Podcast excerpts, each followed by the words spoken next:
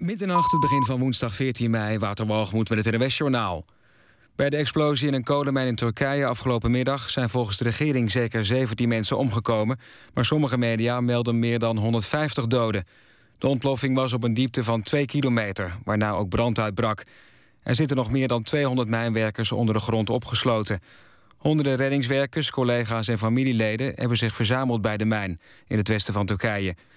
Premier Erdogan gaat naar de mijn toe om toe te zien op de reddingsactie. Het blijft onduidelijk of er losgeld is betaald... voor de vrijlating van drie ontvoerde Nederlanders in Nigeria. De Nigeriaanse actievoerder die de drie begeleidde toen ze werden ontvoerd... zegt dat hij zeker weet dat er niets is betaald. Maar een van de drie Nederlanders zelf meldde bij aankomst op Schiphol nog... dat er wel geld was betaald. In tv-programma Pauw en Witteman vanavond wilde hij er niets meer over zeggen. De drie werden begin deze maand ontvoerd door gewapende mannen... en kwamen een week later weer vrij. In de Centraal-Afrikaanse Republiek is het lichaam van een Franse fotojournaliste gevonden. De 26-jarige vrouw is vermoord. In het land is een bloedige strijd gaande tussen christenen en moslims. Vorige week twitterde de fotografe dat ze met een christelijke strijdgroep meeging... die een islamitische militie wilde aanvallen.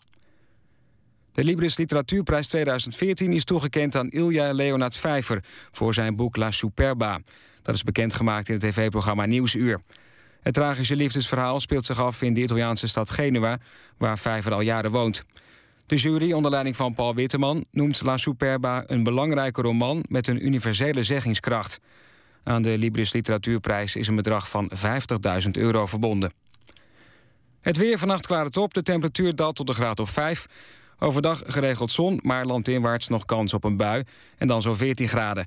Vanaf donderdag droger, meer zon en stijgende temperaturen... tot 18 graden in het weekend. Tot zover het NOS-journaal. En dan is er nog verkeersinformatie van de ANWB. De A18 Zevenaar richting Varsenveld is dicht tussen knooppunt Ouddijk en Wil door een ongeluk. En dat was de verkeersinformatie. Radio 1. VPRO. Nooit meer slapen.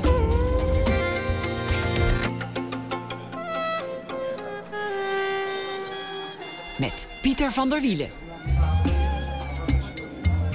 Goedenacht en welkom bij Nooit meer slapen. Vannacht vanuit het uh, Amstel Hotel in Amsterdam... waar zojuist de Libris Literatuurprijs is uitgereikt aan Ilja Leonard Vijver. Ik praat met hem het uh, komend uur. Na ene krijgt u ook nog een verhaal van Jannie Regnerus. Zij uh, won geen prijzen, stond wel op de longlist. En uh, dan gaan we ook praten over Piketty, het boek Kapitaal. Is dat inderdaad zo'n belangrijk boek? Dat vragen we aan de econoom Heertje. Maar we beginnen met Ilja Leonard Pijver. Gefeliciteerd, Ilja. Dankjewel. Het, een, een gek moment om je te interviewen. We, we hebben een, een uur samen. Terwijl jij misschien meer zo, zin zou hebben nu op dit moment... kan me voorstellen om champagne te drinken of aan, aan de kroonluchter te zwiepen... of op de bar te dansen of... Nou ja, nee, maar... in de Amstel te springen. Het was eigenlijk al, uh, al tijdenlang mijn droom om uh, door jou geïnterviewd te worden. Dus dat dat op zo'n belangrijke dag gebeurt... dat voegt alleen maar toe aan de feestvrucht. Wat betekent het voor je, deze prijs? Ja, dat, dat betekent toch wel heel veel. Terwijl ik dat uh, misschien ook nog niet helemaal besef. Het is... Uh,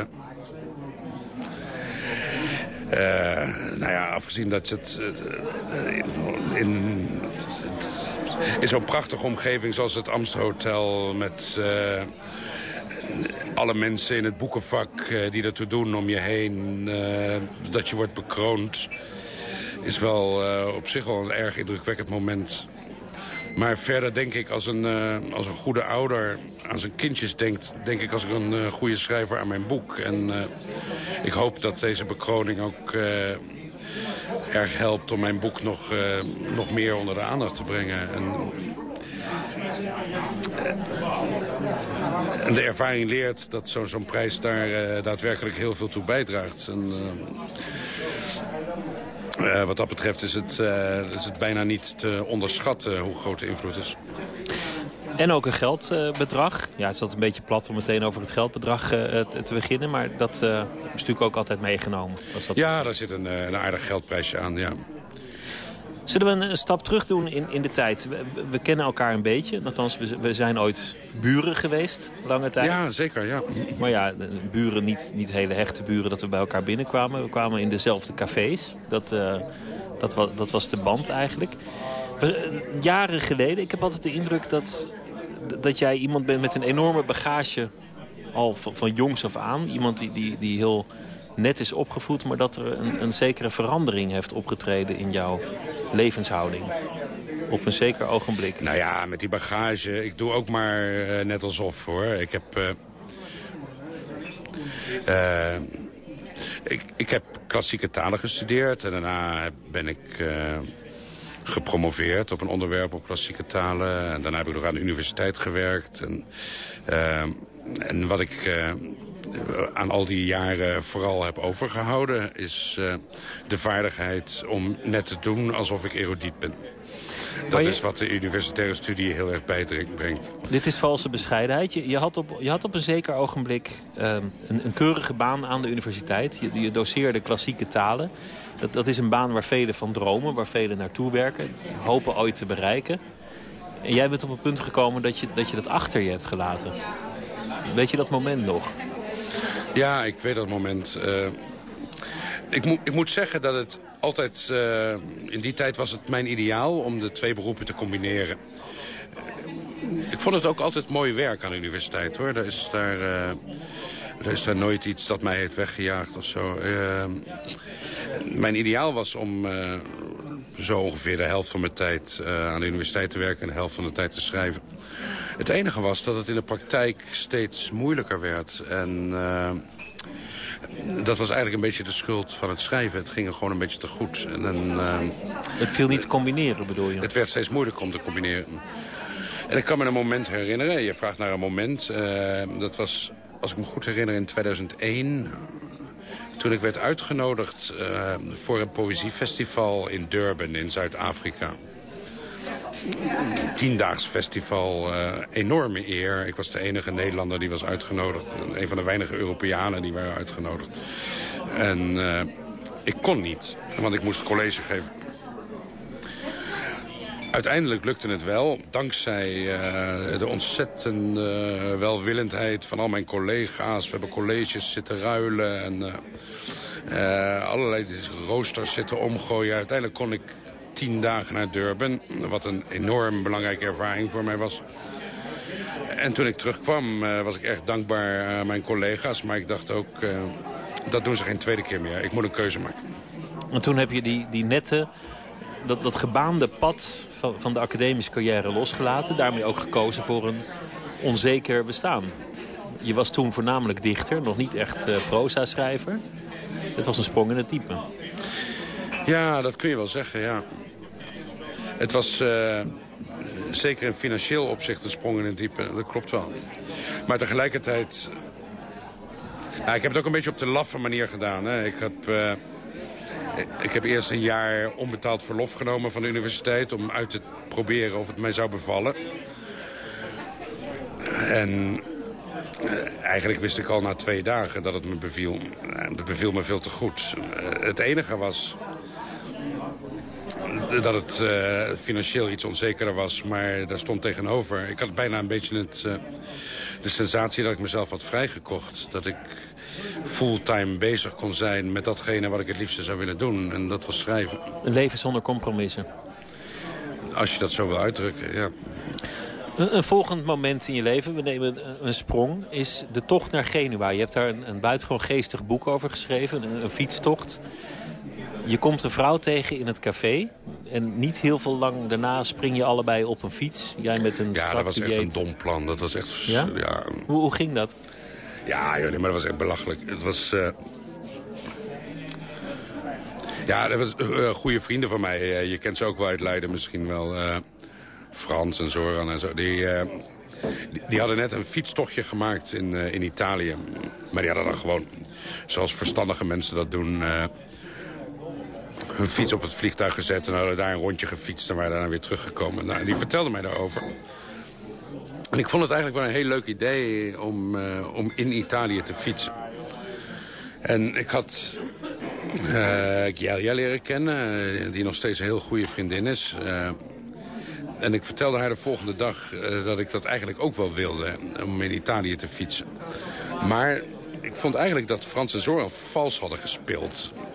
Ik zei tegen haar, wat ik eigenlijk zou willen is dat we naar Rome fietsen... maar dan moeten we ook hier vertrekken. Vanuit Café de Burgt in Leiden. En dan naar Rome fietsen. En toen zei zij, oké, dan vertrekken we 1 juni. Nou, vervolgens heb ik dat... Nog maandenlang heb ik dat geprobeerd uit haar hoofd te praten. Ik bedoel...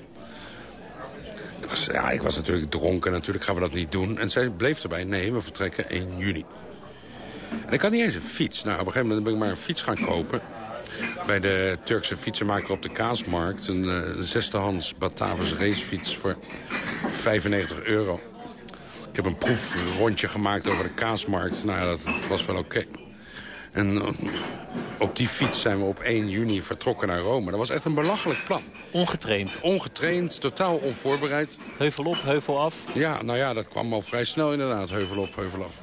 Maar het begon al... Uh, nou ja, dan vertrokken we en... Uh, dan ga je vanuit, door het Van de Sterrenpad naar de Oude Rijn. Bij de Oude Rijn rechtsaf, dan naar de Hooigracht. Hooigracht rechtsaf richting Lammeschans. En toen dacht ik op een gegeven moment... maar welke kant is het eigenlijk op naar Rome? Ja, dat, ik denk dat je tot nu toe goed ging, maar daarna... Ja, ja toen ben ik maar bordjes Dorp gaan volgen of zo. Ja. en... Uh, ja, dat was, het was eigenlijk een volslagen belachelijk plan. Maar uiteindelijk hebben we dat toch gedaan. En 41 dagen, 2600 kilometer later met een grote omweg via Marseille kwamen we daadwerkelijk aan in Rome.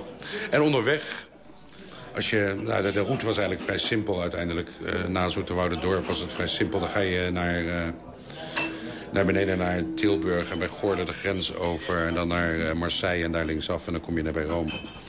Maar als je die route volgt, dan kom je vanzelf onvermijdelijk ook in Genua. En je bent nooit verder dan Genua gekomen? Nee, uiteindelijk zijn we wel naar Rome gegaan, maar dat scheelde weinig. Ik, ik werd toen op dat moment echt verliefd op die stad. En dacht je meteen, ik, ik blijf hier om te wonen? Of, of was het, ik ben verliefd op die stad, ik blijf hier nog twee weken? Nou, in eerste instantie uh, had ik al tegen te veel mensen gezegd... dat we op weg waren naar Rome, dus dat moesten we natuurlijk ook wel doen. En toen... Uh, toen waren we in Rome en de dag daarna was toevallig de verjaardag van mijn reisgenoot. En ik vroeg haar wat ze wilde doen voor haar verjaardag. En toen zei ze, zullen we terug naar Genua gaan? En dat hebben we toen gedaan, dat dan wel met de trein. Maar toen we in, in Genua waren... heb ik inderdaad in eerste instantie gedacht... nou ja, oké, okay, ik blijf dan hier dan wel even of zo. Uiteindelijk heb ik een, een appartementje gehuurd... in eerste instantie voor twee maanden. Dat heb ik toen nog een keer verlengd en toen nog een keer verlengd. Inmiddels is het uh, bijna zes jaar geleden. Je hebt en de fiets staat er nog, hè? dus ik ben eigenlijk uit Nederland weggefietst en nooit meer teruggekomen. Nooit meer teruggefietst en nooit meer echt terugkomen. Je hebt in de tijd gezegd, het was de keuze tussen langzaam aan depressief worden... Uh, langzaam aan de drank raken, langzaam inslapen, in, in lijden... of een radicale nieuwe start maken. Ja, ik weet dat ik dat heb gezegd. En ik weet niet eens, ik weet niet helemaal zeker of, uh, of ik daar gelijk in had. Maar nou, je kent Leiden. Leiden is een, een, een buitengewoon prettige stad. Ik heb daar ook uh, altijd met heel veel plezier gewoond. Ook als ik nu terug ben in Nederland, uh, vind, doet het me erg veel plezier om, om weer even in Leiden te zijn. Dus dat is, is niks dat mij echt heeft weggejaagd uit Leiden. Mijn leven was heel makkelijk. Maar misschien was mijn leven wel een beetje te makkelijk. Alleen ik besefte dat niet op dat moment. Ik, maar toen ik eenmaal in Italië was en toen ik eenmaal in Genua besloot om daar dan maar een tijdje te blijven... toen merkte ik wel, maar toen pas, toen ik weg was, dat ik dat eigenlijk heel erg nodig had. Dat ik gewoon uh, nieuwe dingen nodig had. De oude dingen waren niet fout, maar de nieuwe dingen waren wel heel erg nodig. Wat ik mooi vind, is de, is de manier waarop jij keuzes maakt. Iets komt op je pad. En jij, als, als een soort pakketje. En jij maakt het daadwerkelijk open. En, en een soort fortune cookie bij de Chinees. En, dan staat erin van uh, volg de weg van je hart. Of je moet nu dit of je moet dat. En jij, jij schrikt er niet van. Je gaat dat aan. Eigenlijk op, op heel veel punten in je leven. Nou, ik beschouw dat zelfs bijna als een compliment. Maar uh, ik beschouw dat niet ook echt uh, speciaal als, als een kwaliteit. Ik, ik, ben daar ook best wel bang voor, hoor. Dat zijn niet dingen die, die ik met grote bravoure doe. Maar wat misschien meespeelt is dat, dat ik erg veel geluk heb met mijn beroep. ik heb vrij weinig dingen nodig om mijn beroep te kunnen uitoefenen. Ik zit niet vast aan allerlei weerhaken, aan verschillende uh, plekken, aan kinderopvang, aan de scholen, aan vergaderingen om negen uur s ochtends. Het enige wat ik nodig heb is een pen en een stukje papier. En waar ik zit maakt eigenlijk heel weinig uit. En daardoor maakt het het wel iets makkelijker om dat soort keuzes te nemen. Maar je wordt ook niet nerveus van een brief van een deurwaarder? Nou, daar word ik best wel soms nerveus van, hoor. Maar dat probeer ik liever te voorkomen, die, die, die brief van de deurwaarder. Ben, jij iemand die zijn angst heeft overwonnen? Of, of heb je ze gewoon niet zo heel veel? Nee, joh, ik sta bol van de angst. Ik heb allerlei angsten. Maar dat zijn banale angsten. Ik heb bijvoorbeeld hoogtevrees of zo. Nou, dat, dat kun je vrij makkelijk uh, omzeilen door niet uh, op hoge dingen te gaan. In het dagelijks leven ben ik niet zo bang, ook omdat ik niet zo heel veel nodig heb. Ik... Uh, het, het, ik, wil niet held, heldhaftig klinken. Ik... Uh, ik heb gewoon geluk dat ik heel weinig binding heb met... Uh, dat ik heel weinig vaste lasten heb. Dat ik geen uh, gezin hoef te onderhouden. Dat ik geen... Uh, nou, al die dingen die, die de minder bedeelde generatiegenoten misschien wel hebben. Maar dat is geen bravoure. Het is een voorrecht. Een voorrecht om vrij te zijn en, en dan daar te leven in Genua. En eigenlijk als ik het boek lees, La Superba, gewoon toch het leven te leiden dat je anders in Leiden of in Amsterdam of in Haarlem of waar dan ook ook zou hebben geleid. Een, een leven met een stamkroeg, een café en een appartement. Ja, natuurlijk. Het is niet helemaal spectaculair anders. Het is niet dat ik... Uh, uh, s ochtends uh, voor dag en dauw opsta om vervolgens op safari te gaan en leeuwen gaan schieten. Natuurlijk niet. Het is, het is een leven dat in grote mate vergelijkbaar is. Maar een andere omgeving met andere mensen, met andere vrienden... met een andere atmosfeer uh, is wel iets wat mij heel erg helpt. Ook al is het misschien oppervlakkig. Ja, oppervlakkig ben ik gewoon natuurlijk een schrijver. Dus ik zit altijd gewoon vroeg of laat wel weer ergens... Uh, met pen en papier of uh, met, mijn vingers op een toetsenbord. Zo ontzettend spectaculair ziet dat er niet uit, maar het voelt heel anders. We gaan luisteren naar muziek. Een, een, lied waar jij de tekst nog voor hebt geschreven, alweer een, een paar jaar geleden. Waar je ook in de videoclip volgens mij nog uh, voorkwam. Een, uh, een, liedje van Ellen ten Damme met de titel Durf jij. Ah.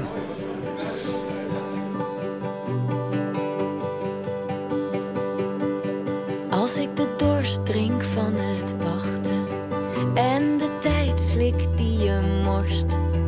Als ik de lange nachten leer begraven in mijn borst.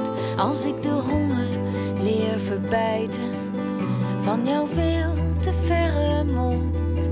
Als ik de dagen stil zal slijten, die door zwijgen zijn verstond. Durf jij, durf jij me dan te zeggen dat je komt?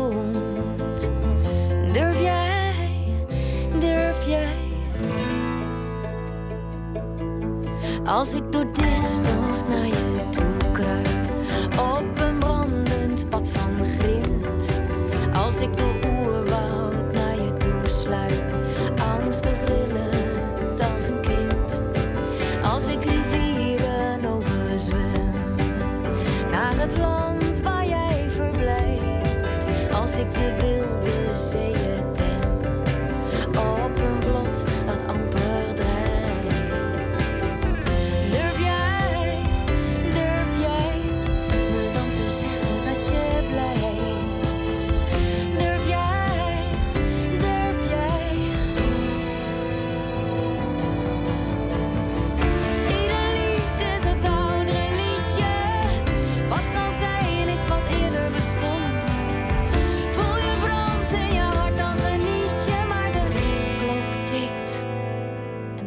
Alles is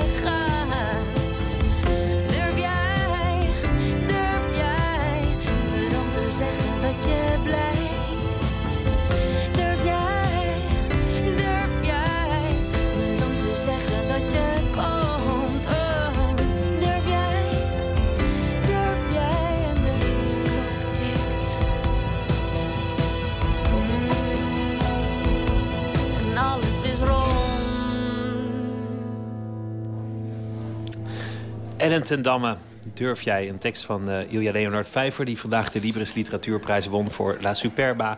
en die uh, nu naast mij zit. We hadden het over uh, hoe het leven toch op, op het oude leven lijkt. Ook in Genua. Dat, blijkt uit het, het, boek waarmee je gewonnen hebt vandaag. Wat voor een groot deel gaat over, over, over cafés. Een, groot deel van jouw leven speelt zich af in, in een café. Het, het, is een beetje als een, als een tweede huiskamer of een, of een werkplek. Zoals een ander naar kantoor gaat zo ga jij naar een café? Ja, nou ja, ik, ik vertoef in openbare ruimtes. Maar het is inderdaad ook... Mijn leven is een beetje binnenste buiten.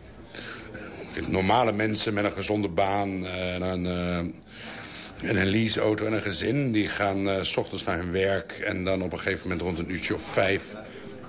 kunnen ze niet wachten om terug te komen en om thuis te zijn... en een lekker avondje thuis te zijn. Mijn, mijn normale werkdag bestaat eruit dat ik overdag schrijf ik op de computer wat stukjes voor de krant. Uh, hier en daar een recensie, misschien een column. En dan rond een uurtje of vijf kan ik er niet op wachten om eindelijk een keer naar buiten te gaan. En dat is een beetje mijn binnenste buitenleven. En, uh, en ik schrijf ook heel graag in het openbaar. In het café, terwijl er om, om, je heen van alles gebeurt? Ja, ik schrijf graag met geroezemoes, met dingen, met mensen om naar te kijken. Het heeft er ook mee te maken dat... Uh, nou, schrijven kan soms... Uh, je, je kan, als je echt serieus iets aan het schrijven bent... Uh, komt het wel eens voor dat je een half uur moet nadenken over een woord of zo. Als ik dan thuis achter mijn computer zit... word ik na vijf minuten knettergek. En dan ga ik dan maar iets doen of zo. Dan ga ik de afwas doen of zo. Maar als je in het café zit of buiten zit dan is het helemaal niet zo erg om een half uur na te denken over een woord. Want je bent om je heen gebeurt van alles. Uh, je wordt een beetje afgeleid, er is geroezemoes. Intussen ben je bezig met iets nuttigs, namelijk met bier drinken. Uh, en mijn ervaring is dat als je dat ene precieze woord... dat ene precieze woord dat op dat moment zo belangrijk is... als je dat niet kan vinden... als je maar rustig wacht... na een half uur wordt het gezegd aan het tafeltje naast je. Dat is heel raar, maar dat is altijd zo. Dan moet je nog een goed café uitkiezen. Uh, vroeger, je noemde al Café de Burg. Je had, je had uh, Café Burgerzaken. In, in je boek heb je het over het café met de, de spiegels in, in, in Genua. Wat is momenteel je favoriete café in Genua? Nou, het café met de spiegels heb ik heel veel gezeten. Maar uh, tegenwoordig is mijn favoriet café een oud antiquariaat op Piazza delle Erbe. En dat heet ook zo. Dat heet Libreria di Piazza delle Erbe. Ze hebben ook de naam niet eens veranderd. Het heet nog steeds Boekwinkel van Piazza delle Erbe, maar dat is nu een café geworden. Ze hebben ook de, de tweedehands boeken nog steeds binnen. En uh, dat is nu mijn favoriete plek. Uh, ik denk dat uh, sommige van jouw luisteraars die plek ook wel herkennen. Dat, er komen af en toe wel eens Nederlanders op bezoek die die plek heel makkelijk kunnen vinden. Wat ook voor mij genoeg is. Als ze, als ze daar komen. Maar dan ben je ineens Ilja Leonard Vijver, de beroemde schrijver. Terwijl je, het leuke aan een café in het buitenland is dat je elke identiteit kunt aanmeten die je wilt.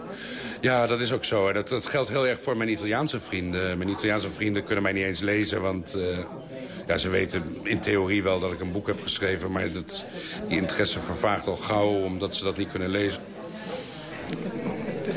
En als er dan af en toe een Nederlandse toerist langskomt... Dan, eh, meestal zijn het ook niet de vervelendste Nederlanders. Hè? Nederlanders die speciaal naar een stad komen omdat ze een roman hebben gelezen. Dat zijn meestal... Nou, dat zijn zeg maar Nederlanders die hebben al een soort van toelatingsexamen gedaan. Dus die, dat is meestal heel erg aangenaam gezelschap. In, in, je boek ben jij de dichter. Dan, dan ben je een dichter uit een noordelijk land die, die niet van hier komt. Heb je jezelf ook echt een andere identiteit aangemeten daar? Of, of voel je iemand anders omdat je een ander bent in andermans ogen? Nou ja, in het boek heb ik dat heel erg overdreven. Of misschien niet. Nou, ik heb het een beetje dikker aangezet. Uh, in het boek portretteer ik mijn alter ego. Die luistert naar de onwaarschijnlijke naam Ilja Leonard Vijver. In het begin als een succesvolle schrijver. Dat ik uh, misschien alleen vanavond voor één avond ben, maar verder niet. En, maar dat, dat heb ik gedaan omdat ik mijn alter ego, die luistert naar mijn naam hard ten val wilde laten komen. Dus je wil, in het begin wil je hem net iets ijdeler en echter... Uh, iets succesvoller neerzetten dan ik zelf ooit zou wensen dat ik zou zijn... om hem daarna nog harder ten val te brengen... dan ik zelf ooit zou wensen dat ik ten val zou komen. Er moet wel iets te vallen zijn, dus daarom moet je ja, hem aan het begin iets groter maken. Dus ik heb ook... Uh, ja, mijn romanpersonage die gaat dan ook... Uh, in het begin van zijn verblijf in Genua allerlei dure pakken kopen. En uh, dat, dat heb ik dan bijvoorbeeld zelf niet gedaan. Maar dat, dat is dan een voorbeeld om hem... Dat, dat moest een soort van Aschenbach-achtig, uh, Toot in Venedig-achtig personage worden... om hem harder ten val te laten komen. Toch heb je moeten integreren, een soort van in Genua. Dan is een café de snelste weg. Maar een van de nadelen van een café is dat je in allerlei dingen verwikkeld raakt. Die, ja, het blijft toch een café dat theater dat in je boek voorkomt... de, de hoofdpersoon wil op een zeker ogenblik misschien wel een theater overnemen. Jij bent ook echt bezig geweest met een theater in Genua. Ja, er is aardig wat, uh, wat werkelijkheid de roman binnengecijpeld. En, uh, nee, dat klopt. En uh, dat theater heeft zelfs ook dezelfde naam.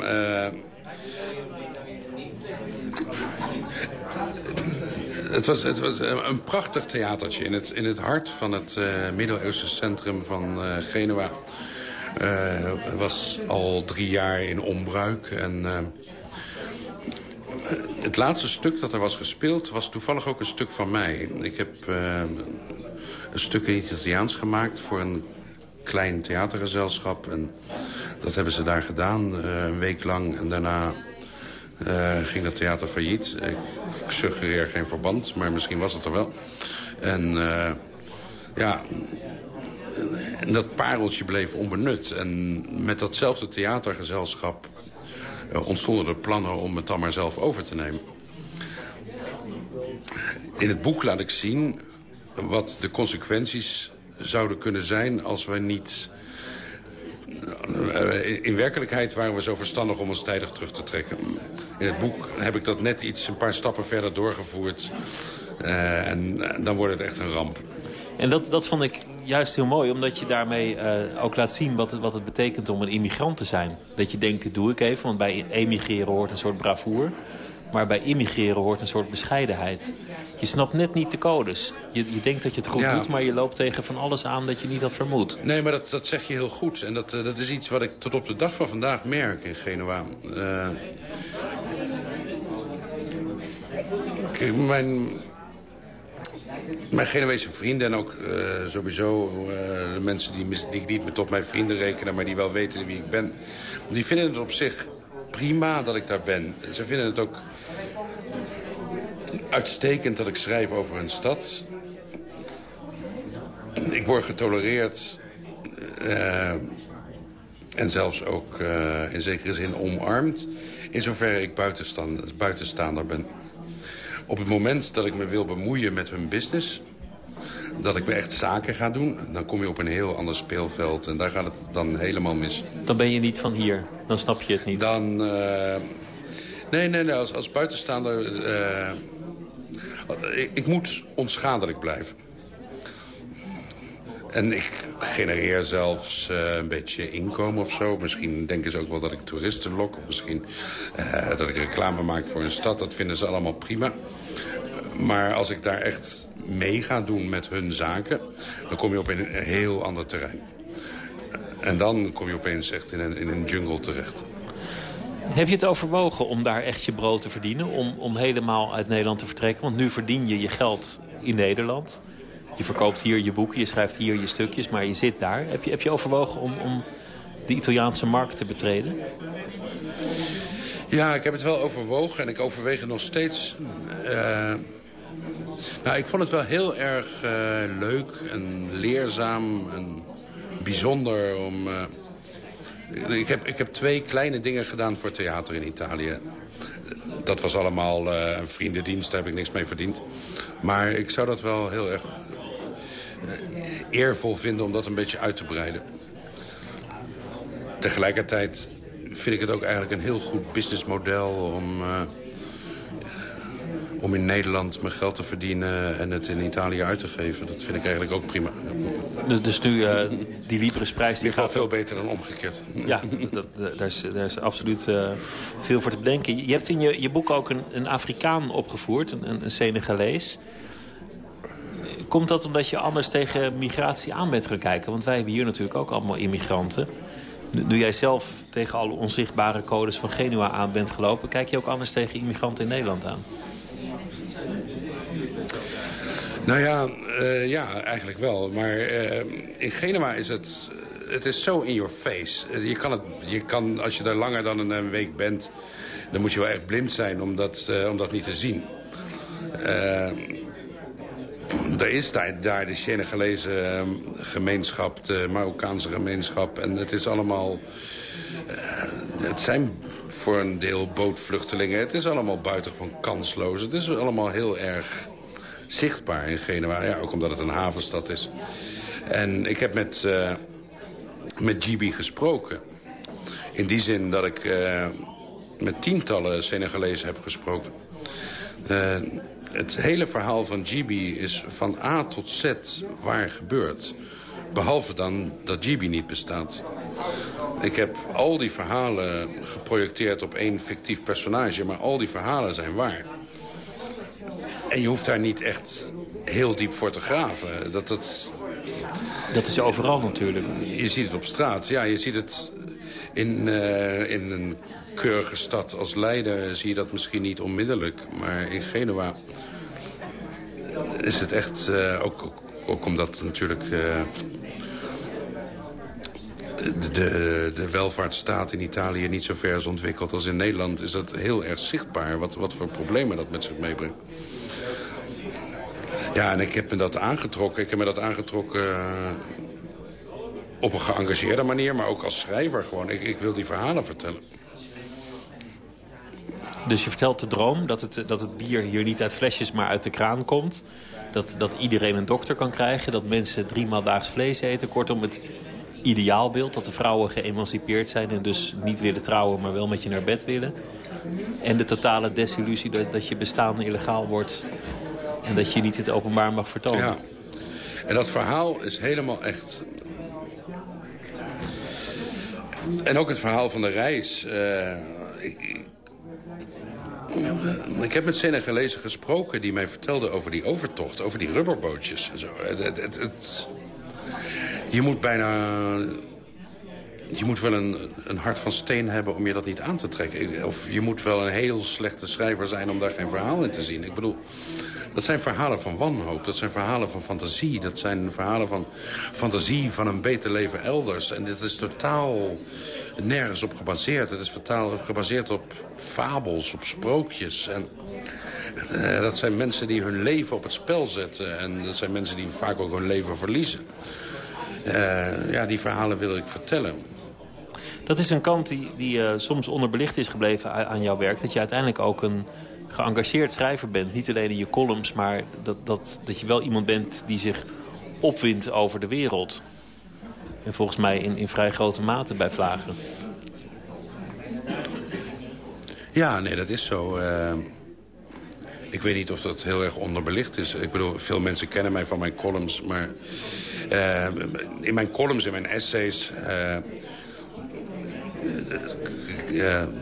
kan ik ook stelling innemen. En dan kan ik ook boos worden. Dan kan ik misschien ook mij verstouten om een, om een oplossing voor te stellen. In een roman, een roman is een ander genre. In een roman heb je de gelegenheid om die verhalen te vertellen... zonder daar onmiddellijk persoonlijke conclusies aan te verbinden. En dat heb ik heel erg willen doen in, in La Superba. Van de luxe immigratie van de Noorderling... die op zoek is naar La Dolce Vita Italiana. De immigratie van de excentrieke Engelsman Don... die uh, eigenlijk geslaagd is door totaal zichzelf te blijven... en niet eens een woord Italiaans te leren. De emigratie van de Italianen naar uh, Amerika, naar het beloofde land. En de verhalen van de Senegalees Gibi en de Marokkaan Rashid, de rozenverkoper. Uh, door die verhalen gewoon naast elkaar te vertellen. Zonder de conclusies eraan te verbinden die ik misschien in een column of in een essay wel zou uh, expliciteren. Ik zou ook eigenlijk mensen die nadenken over de immigratiepolitiek... voordat ze daarover nadenken, voordat ze besluiten om dat als een probleem te zien... voordat ze die problematiek samenvatten in, in een paar populistische slogans... zou ik willen aanraden om eerst kennis te nemen van al die verhalen. En het is allemaal gewoon fucking ingewikkeld. Het is allemaal echt gewoon heel erg moeilijk. En die oplossingen zijn niet zo simpel. We gaan luisteren naar uh, muziek die er iets mee uh, te maken heeft. Jij voerde iemand op uit, uit Senegal. Youssou N'Dour was ooit een immigrant. Hij nam zijn eerste muziek op terwijl hij een soort van in ballingschap zat in, in Parijs. Keerde later terug. Zo is met heel veel van die muzikanten gegaan. Hij is inmiddels minister van cultuur in Senegal. Maar hier is hij nog gewoon zanger. Een vrij vroeg nummer van Youssou N'Dour. En dat heet Medina.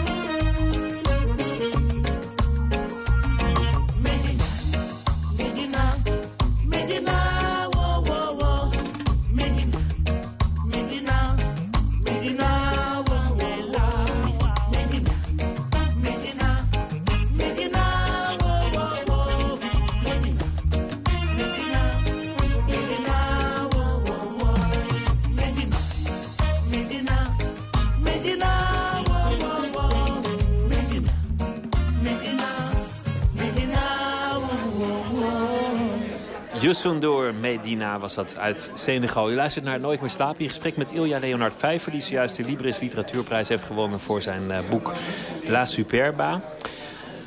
In het, ehm, het, is, het is leuk om hier met jou te praten tijdens de plaat. Iedereen wil iets van je. Iedereen eh, eh, zit aan je, stopt je dingen toe. Het had Ja, ook zo kunnen zijn dat je... één mooi camera-schot op je, op je teleurgestelde gezicht... en daarna gewoon naar de bar. Zou dat ook kunnen gaan? Ja, dat, dat is een beetje zoals ik het tot nu toe gewend was. En dat was eigenlijk ook wel mooi. is ook, ja. Ja. Ja. jij gaat nu uiteindelijk blijer naar huis. Het is een drukke avond. Ik wil het met je hebben over ehm, de vrouwen. Een thema in je leven en ook een thema eh, in, het, in het boek. Ehm, alle seks in het, in het boek is eigenlijk onvolmaakte seks. Eh, Het boek waar met, met veel lust naartoe geleefd wordt... maar die, die uiteindelijk om wat voor reden dan ook niet helemaal werkt. Eigenlijk zijn alle sekspartners vooral met zichzelf bezig en niet met de ander. Nou ja, in dat opzicht is het boek natuurlijk volslagen eh, autobiografisch. Volgens mij is dat ook, heeft dat ook te maken met hoe je, hoe je een seksscène op papier goed krijgt. Want het is voor heel veel schrijvers een worsteling om, om, om, om een seksscène echt goed te schrijven. Is het, is het beter als het onvolmaakt is? Ah, je bent een slimme interviewer. Dat is echt een goede vraag. Eh, maar het, het klopt ook. Het is, ik heb wel eens een keer bij een, eh, bij een schrijfcursus... eh, heb ik wel eens een keer tips gegeven over hoe je een goede seksscène schrijft. En mijn eerste tip was eigenlijk om te schrijven over slechte seks. Want daarin herkent de lezer zich tenminste. Goede seks is... eh, dat is leuk voor kitsch, dat is dromen, maar eh, slechte seks, dat, eh, dat gaat over de belevingswereld van de lezer. En uiteindelijk gaat het bij het schrijven van een goede seksscène ook niet zozeer om eh, de verschillende onderdelen van de verschillende personen die al dan niet in, bij elkaar naar binnen worden geschoven. En, eh, dat is eigenlijk het minst interessante onderdeel van het schrijven van een seksscène. Dat, dat kun je allemaal zien op YouPorn en weet je wel. Maar bij het schrijven van een seksscène gaat het vooral over eh, wat zich in het hoofd afspeelt natuurlijk. Ik probeer te schrijven wat de verwachtingen zijn, de fantasieën. En natuurlijk wordt het des te interessanter als die verwachtingen en die fantasieën niet corresponderen met de, met de gymnastiek. Het zijn eh, vrouwen die je, naar wie je verlangt. In het boek heb ik het nu over. Die je nooit helemaal zult bezitten. Die, die uiteindelijk, waarvan je eigenlijk weet dat ze je zullen ontglippen. Is, is dat iets wat je, wat je in de werkelijkheid ook zo beschouwt? Dat, dat, je, dat je altijd moet, moet jagen op een vrouw om, omdat dat de aantrekkelijkste vrouw is? De vrouw waarvan je weet dat, dat ze niet zal blijven?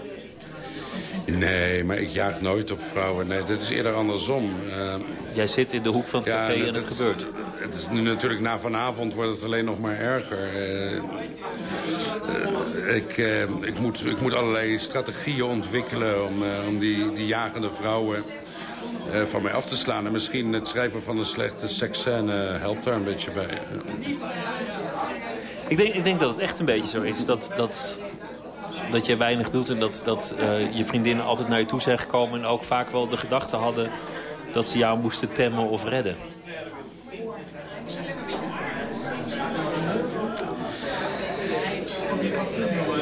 Ja, ik kan heel moeilijk, uh, ik kan heel moeilijk antwoorden voor die, uh, voor die hypothetische vriendin die je nu aanhaalt. Ik Want je hebt het er nooit gevraagd. Uh,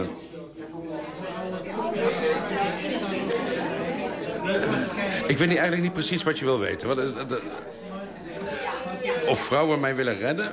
Nou, ik hoop het, want ik, ik, ik moet natuurlijk gered worden. Of vrouwen naar mij toe komen omdat ik hen moet redden, dat hoop ik niet. Want daar ben ik natuurlijk niet toe in staat. Uh, wat was jouw vraag? Nou, mijn, mijn vraag is eigenlijk um, of jij... Je bent altijd bezig met, met vrouwen, althans je personage in je boek. Maar volgens mij heb je heel veel liefdes en verschillende liefdes. Maar uiteindelijk hopen die, die meisjes altijd, altijd iets van jou te krijgen... wat jij niet zo geeft. Volgens mij ben jij heel erg autonoom in de liefde. Is dat waar? Oh, maar Pieter, maar wat haal je nou allemaal weer overhoop? Want autonoom in de liefde, wat wil dat nou weer zeggen? Uh, het, het, hoeft allemaal ook helemaal niet zo ingewikkeld te zijn. Het is natuurlijk op papier doe ik allerlei dingen. Uh, op papier kan ik uh, liefdesrelaties maken die veel mooier zijn dan ik ooit heb meegemaakt. En ook liefdesrelaties maken die veel tragischer zijn dan ik ooit hoop mee te maken. Ik kan... Uh, zoals aan het einde van La Superba, wanneer mijn alter ego... Uh, zijn, het object van zijn liefde terugvindt. Dat is misschien de meest pijnlijke seks die ik me kan voorstellen. Ik zal verder geen, uh, niet voor, voor de luisteraars thuis verklappen hoe dat eraan toe gaat. Maar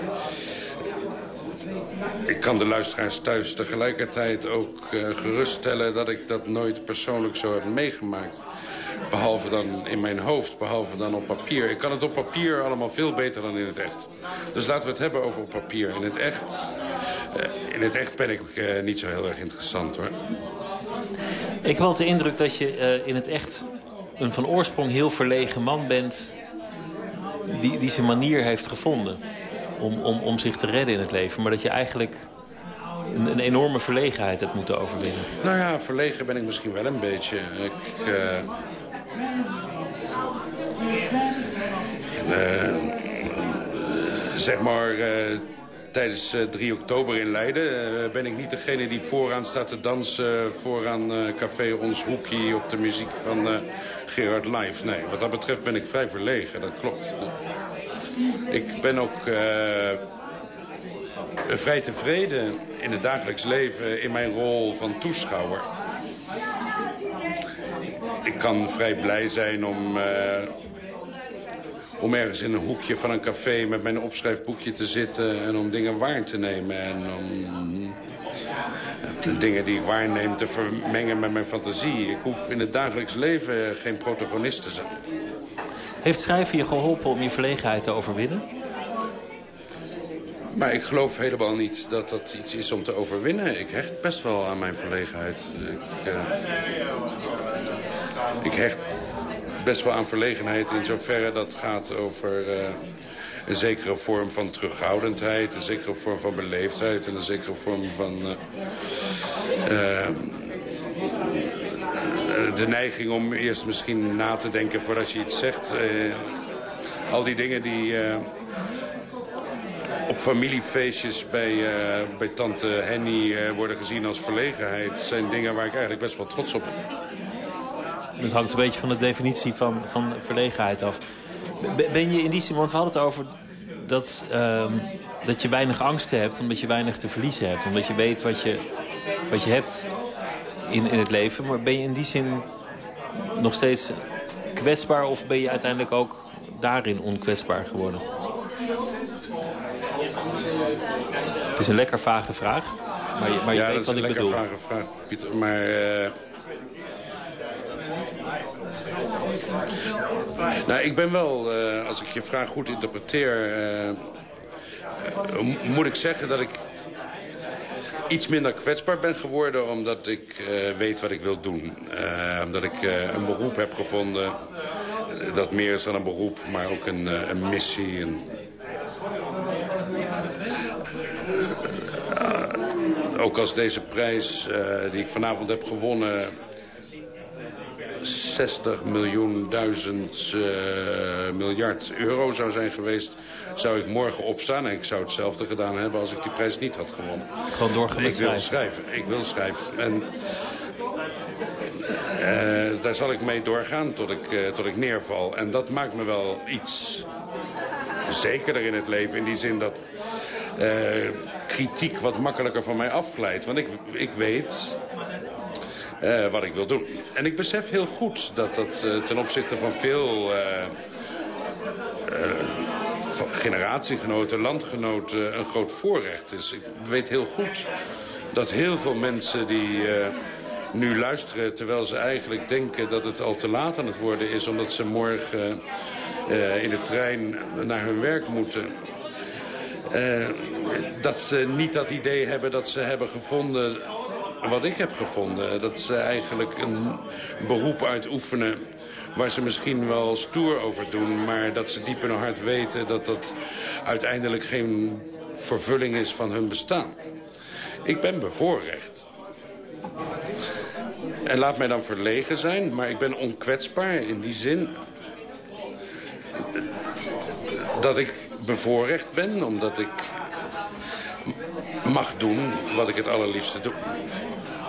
Ooit was dat ook dichten. Je, je, bent heel lang echt aangekondigd als dichter. Eh, eh, Het was echt je voornaamste métier om te dichten. Eigenlijk leek aanvankelijk proza een, een uitstap om, om, een, om een roman te schrijven. Inmiddels ben je echt volledig een romancier geworden. Zie, zie je dat zelf ook al zo? Of, of voel je je toch nog meer Nee, dichter? nee, maar ik, ik, eh, ik ben nog steeds dichter. Ik ben, eh, ik ben ook als ik proza schrijf dichter in die zin dat ik... eh, het interesseert me heel erg hoe dingen geformuleerd zijn. Ook als ik proza lees van anderen... interesseert me het verhaaltje minder dan de manier waarop het verhaaltje wordt verteld. En verder, eh, daar heb je ook gelijk een primeur in eh, deze uitzending van Never Nooit Meer Slapen. Dat, eh, ik kom in eh, januari, mijn, mijn eerstvolgende publicatie zal een, eh, een nieuwe dichtbundel zijn. Getiteld Idyllen en opnieuw uitgegeven bij het glorieuze Huis van de Arbeiderspers. Ik wilde nog twee onderwerpen met je eh, bespreken. De eerste is de Griekse mythologie, omdat je er heel veel van af weet. En omdat het je een heel groot deel van je werkende leven ook heeft bezighouden. En je hebt een bijna encyclopedische kennis eh, van de mythologie. Haal je dat er nog bij als je, als je schrijft? Denk je dan nog aan de, de mythische figuren? Nou, nee, eigenlijk niet. En ik, je complimenteert me erg met mijn encyclopedische kennis, maar dat is ook een beetje overdreven. Nee, ik heb eh, een paar jaar geleden zo'n boekje gemaakt eh, over de Griekse mythe. Dat vond ik ook heel erg leuk om te doen.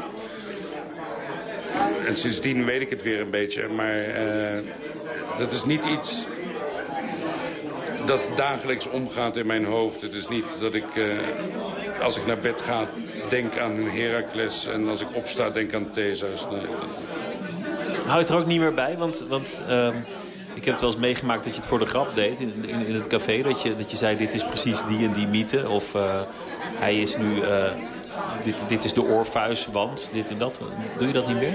Nou ja, die, dat, dat kan ik natuurlijk altijd. Maar dat doe ik natuurlijk altijd om, Indruk te maken. ja, om indruk te maken op, eh, op die ateneumklankjes die, eh, die gymnasium hebben gedaan. Ja, dat, maar dat is gewoon een goedkope truc.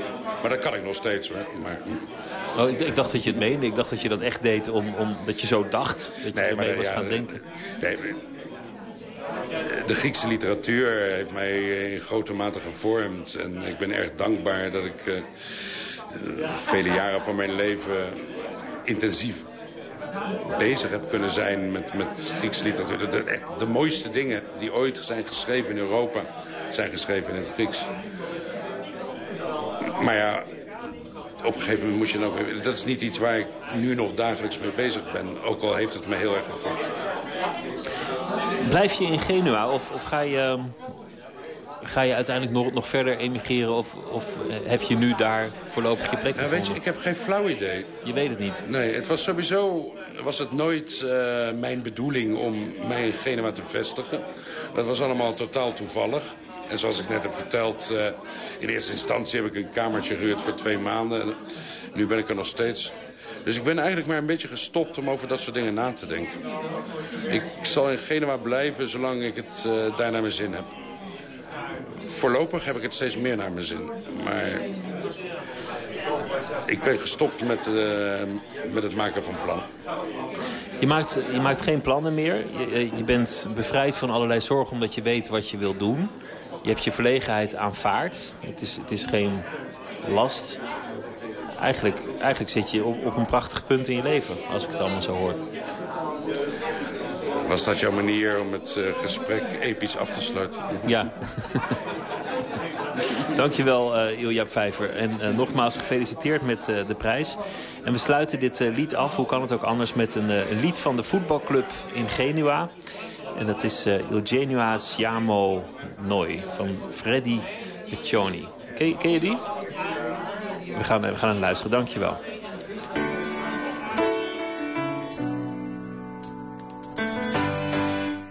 Il Genoa siamo noi Noi che per primi abbiamo dato un calcio al pallone e abbiamo pagato troppe volte il prezzo di un'emozione. Il Genoa siamo noi che abbiamo un cuore destinato sempre a soffrire per una fede che continueremo a cantare che custodiremo come figli una leggenda che è una realtà. Il Genoa siamo noi, con due colori tatuati sotto la pelle. Una bandiera e un coro sempre pronto per incitare. E per guidare il nostro amore. Per una squadra che combatte. Il Genoa siamo.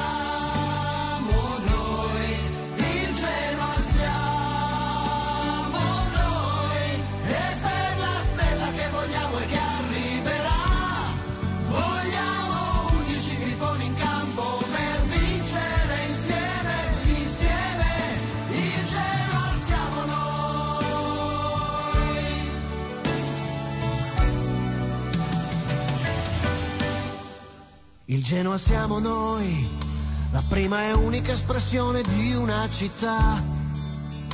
La gradinata ad ogni derby lo insegnerà. Il Genoa siamo noi e solo chi ha onorato questa maglia lo sa. Una passione così grande il tempo non spegnerà, perché fa parte di una storia vera popolo che piange, lotta e spera.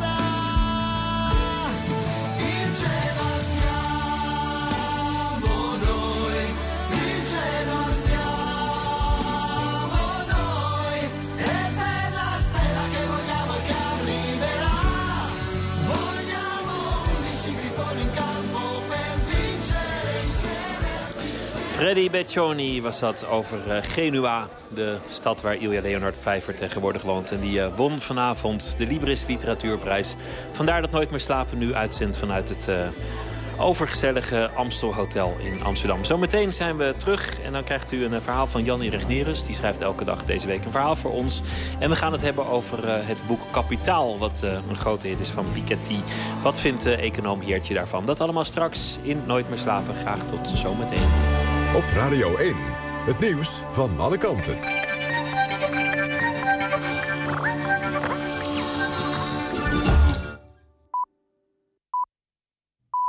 1 uur, Waterwalgemoed met het NWS-journaal.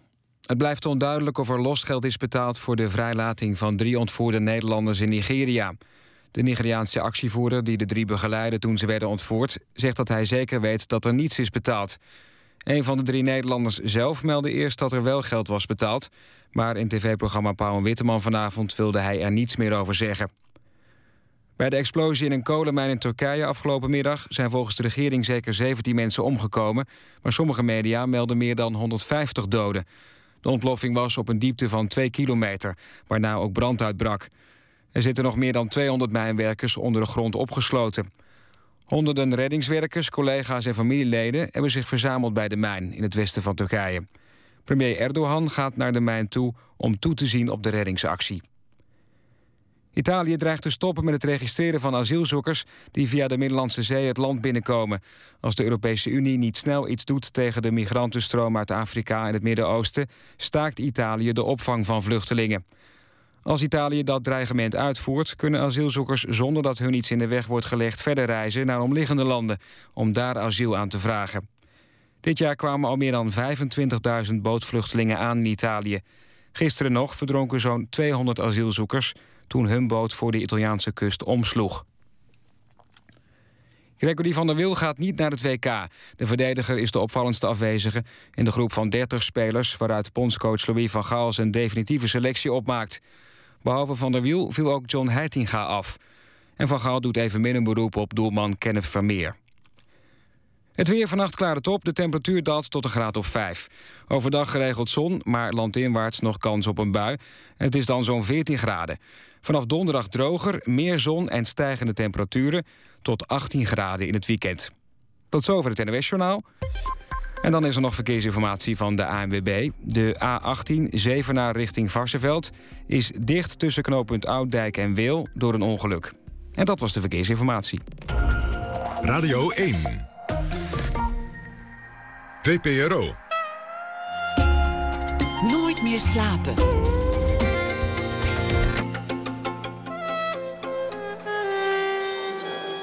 Met Pieter van der Wielen. U luistert naar Nooit meer slapen op Radio 1 van de VPRO... vanuit het Amstelhotel waar vanavond de uitreiking van de Libris Literatuurprijs plaatsvond. We zitten op Twitter, VPRO-NMS... of via de mail nooitmeerslapen.vpro.nl. Dagelijks bellen wij met een schrijver of dichter die voor ons een verhaal schrijft op basis van iets dat die dag is gebeurd of iets dat hij die dag heeft meegemaakt. En deze week is dat beeldend kunstenaar en schrijver Jannie Regnerus. Schreef al eerder reisboeken, De Volle Maan als beste vriend en Het Geluid van Vallende Sneeuw. En de romans De Ent en Het Lam. Goeienacht Jannie. Hey, goeienacht. Let niet, Pieter, het, ja, ik zit hier in het, eh, in het Amstelhotel, dus je hoort wat eh, gezelligheid op de achtergrond. Oh, Pieter, was ik daar ook maar geweest? Nou, in praktijk vallen dingen altijd mee, hè? dat weet je. Het, het, het fonkelt en het glittert, maar eh, het ruikt gewoon Ja. hetzelfde. Wat, ehm, wat wil je vandaag bespreken? Waar gaat het over? Nou, ehm, ik, ehm, het gaat vanavond over eh, eh, ja, de prijs natuurlijk. De Libris Literatuurprijs. Oh, wat, eh, en wat ehm, ja, ik zal het stuk wat ik daarover heb geschreven, zal ik voorlezen. Ga je gang. Vind je, ja, vind je dat goed? Ja, graag. Oké, we gaan beginnen. Literatuur is geen spel. Vanavond, 10 uur. Het NOS Nieuws doet live verslag van de uitreiking van de Libris Literatuurprijs. Die zoals gebruikelijk plaatsvindt in het Amstelhotel. Mijn roman Het Lam haalde wel de longlist, die 18 titels stelt. Een wapenfeit dat op zichzelf al grote euforie teweegbracht. Maar zat niet bij die laatste zes. Dat maakt het vanavond toch een beetje een droeve aangelegenheid. Om vanaf de bank, in mijn pyjama en helemaal alleen met een kop thee en een flats koekje op schoot, naar de televisie te kijken. In plaats van in een schitterende jurk gezeten aan één van die ronde tafels, nippend aan een glas champagne. Ik deel mijn smart per sms aan een vriend. Hij reageert direct en schrijft terug. Stel je toch voor dat ze ineens van het programma afwijken en alsnog jouw roman de prijs toekennen. Schaterlachend zie ik ineens voor me hoe hier dadelijk plots een cameraman op een uitzwengbare kraan voor mijn raam op één hoog opdoemt. En dat het felle schijnsel van spotlampen mij op slag verblindt. Ik hoor nog vaag hoe Paul Witteman zich op dat moment tot kijkers richt en zegt dat het dit jaar helemaal anders is gelopen. En dat de prijswinnaar zich niet in het Amstelhotel bevindt, maar thuis zit, op de bank in Haarlem. En dat we nu live gaan overschakelen. Uiteraard zal het zo niet gaan en is het zo niet gegaan. Ilja Lennart Vijver wint. Twee heel teleurgestelde gezichten komen langdurig in beeld. Die van Tom Lanoye en Stefan Hertmans. De andere drie hadden er blijkbaar niet zo op gerekend. De winnaar merkt heel terecht op dat literatuur geen spel is... en dat het allemaal prachtromans zijn. Hij feliciteert de genomineerden, legt de microfoon terzijde... en scheurt de waardebon in zes gekartelde stukken. Nou, Pieter, dat is ja. bijdrage. Uh... ja, nou, een, een terechte bijdrage. En ook, ook goed om het, om het geluid van, van de mensen die, uh, die niet in het, in het fonkelen mogen delen ook, ook te horen. Je hebt natuurlijk gelijk. Het is natuurlijk eigenlijk allemaal onzin, literaire prijzen. Maar het voordeel is misschien dat het, dat het wat aandacht heeft. Klinkt bijna als een bestuurder. Dat het aandacht geeft aan de literatuur als geheel en mensen tot lezen aanzet. Ja, prachtig joh, natuurlijk. Kijk, ik, uh, ik heb uh, dit stukje natuurlijk geschreven ook als een soort uh, pastiche daarop.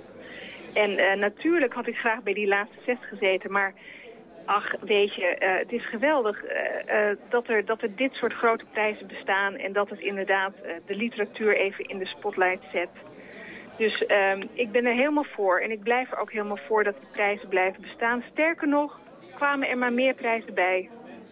Zo is het. En, en het geld is natuurlijk ook welkom, hè? Dat, dat is... heel erg. ja, dat, dat is ook een argument. Dat is, het is een fix, een fix bedrag wat je wint, hoewel waarschijnlijk ja. de organisatie van de avond nog steeds meer kost... dan dat wat de schrijver uiteindelijk als prijs mee naar huis mag nemen. Denk je niet? Ja, dat denk ik ook. Maar weet je, voor een schrijver is 50.000 euro heel veel. Dat is... Uh...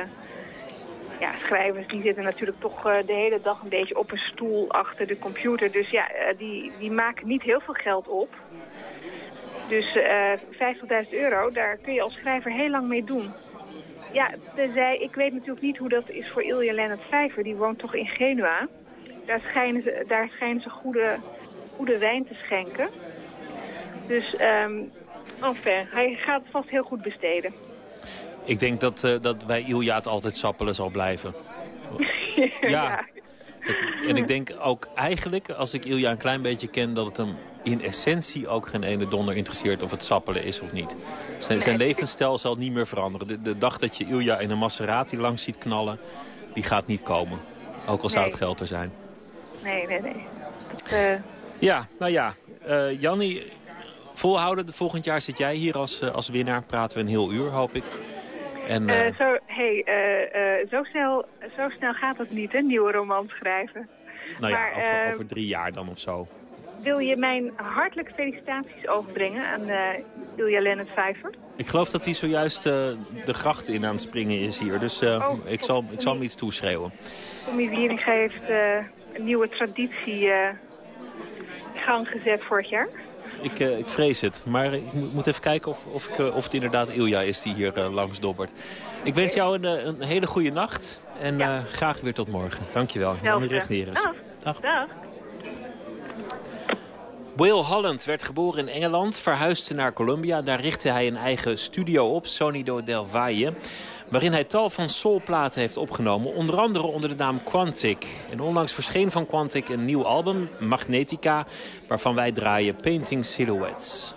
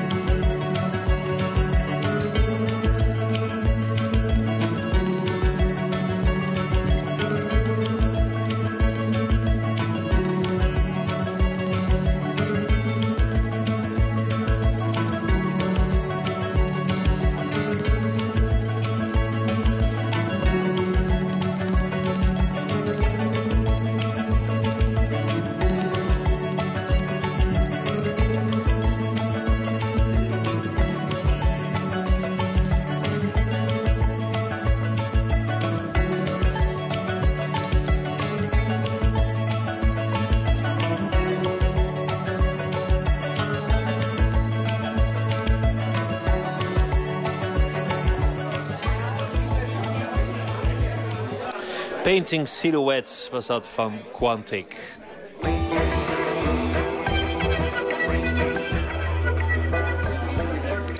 U luistert naar VPRO Radio Nooit meer slapen. Aangehouden en acht uur verhoord worden door de Russische geheime dienst... klinkt angstenjagend en het overkwam Chris van der Veen...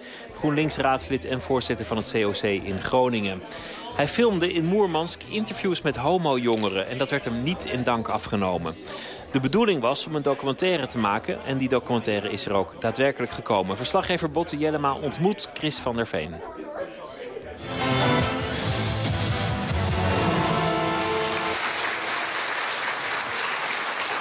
Итак, специальный корреспондент, мы продолжаем. Говорим о самой плохой теме, которую я вел эту передачу. Это ужас какой-то. De documentaire begint met dat fragment, met dit fragment. Uh, wat voor televisieprogramma is dat? Want dat zit vaker in je documentaire. Ja, het is het uh, televisieprogramma Special Correspondent. Volgens mij is het een soort Pauw en Witteman, uh, maar dan in Rusland. Ja. Uh, het wordt betaald door het Kremlin, dat programma. Het is van de federale televisie. En uh, het is een soort talkshow waar allerlei thema's de revue passeren. А садомит это гомосексуальный ужас какой. Но тем не менее, Россию захватывает, на мой взгляд... In deze uitzending, die ongeveer anderhalf uur duurt... Uh, gaat het over uh, de anti-homo-propagandawet. Hij zegt, hij zegt hier... Nu gaan we het onderwerp behandelen wat ik het meest vervelend vind... of het meest nare onderwerp wat er bestaat. Zoiets, zoiets daar opent hij zijn programma mee, ja, deze. Het, uh, het naarste thema dat mijn programma ooit heeft behandeld. Homoseksualiteit, verschrikkelijk, zegt ja, hij dan. Ja, sodomie, en, ja, nou ja, ja, lesbianisme, pedofilie. Alles wordt aan elkaar geregen, zeg maar. Mm -hmm. En uh, er is één pro-homoseksueel iemand, zal ik maar zeggen... En uh, die krijgt dan ook de hele, alle tegenstanders over zich heen... Mm. Uh, wanneer zij probeert uit te leggen dat maar 2 tot 4 procent van de mensen homoseksueel zijn. Dat ze echt niet worden gecreëerd door stylisten. Uh, uh, en dan krijgt ze ook de vraag van, want ze heet Masha. Dan zegt iemand tegen haar van, Masha, wil jij dan met je kleindochter naar bed? En dan moet ze weer uitleggen dat incest en homoseksualiteit twee hele verschillende dingen zijn Dan krijgt ze nauwelijks de, de tijd voor om dat te doen. Машенька, ты бы хотел, чтобы твоя дочка спала бы с тобой? Скажи, да или нет? И все успокоится? Нет, Андрей... Прав, ну-ка скажи я про хочу, дочку. чтобы И ты... все сразу успокоится. Андрей, нет, дайте, ну дайте я отвечу. Дайте я Schetst отвечу het на de, психиатрический... de toon hoe er in Rusland over homoseksualiteit wordt gedacht? Ja, absoluut. Hier heeft de overheid ook wel een grote rol in, want zij betalen dit programma. En uh, er zijn heel veel programma's die gaan over uh, uh, homoseksualiteit. In de meest negatieve zin van het woord. Dat vertelden organisaties in Rusland mij ook wel. Dat elke week zie je overal programma's. En ik denk dat leken die heel weinig informatie hebben over homoseksualiteit... dan uiteindelijk ook gaan geloven dat het iets smerigs is. Dat het iets walgelijks is. En dat het... Verboden door God, zonde. Exact, een zonde is. En gecreëerd kan worden door het zien naar twee mannen die met elkaar zoenen bijvoorbeeld. Ja, ja. En dat kan trauma's opleveren voor kinderen. Dus ja. vandaar dat het heel goed is dat die wet er is. Eh, precies, die wet. Daar kom je al. En uh, we gaan het er zo meteen zeker over hebben. Want uh, je hebt hem recht in je gezicht gekregen, die uh, propagandawet. Anti-homo-propagandawet in Rusland. Maar eerst nog eventjes de titel van je... Nee, dat heeft er ook meteen mee te maken ja, trouwens. Ja, Goedemiddag, het NOS-journaal van 1 uur... met Nederlanders verdacht van homopropaganda in Rusland. Want je documentaire heet 5000 roebel. Ja toen de tijd omgerekend was het geloof ik 124 euro. Ja, klopt. Ja, de roebel is een beetje gezakt, dus het ja. zit nu net boven de 100 geloof ik. Maar het is, het is de boete, hè? Ja. Ja, het is een boete die je kunt krijgen voor uh, als individu... wanneer je inderdaad aan homopropaganda doet in het openbaar. Nou ja, het is ook een boete die overigens nog niet heel vaak is uitgereikt uh, in Rusland. Dus daarmee uh, zeggen organisaties ook wel van het is met name symboolwetgeving. Heb jij hem gekregen? Nee, ik heb een boete van 3000 roebel gekregen. Oh. Maar dat hing weer samen met mijn uh, uh, oh, visum. Ja, ja precies. Dus uh, ja. ze konden me niet pakken onder die uh, anti-homopropagandawet... maar wel onder mijn uh, foutieve visum, zeiden ze. In het Russische Moermansk staan vanmiddag vier Nederlandse documentairemakers voor de rechter. Ze waren een film aan het maken over emancipatie van homoseksuelen... en werden gisteren opgepakt. Jij bent de Chris van der Veen die op het NOS-journaal verscheen... op 22 juli vorig jaar.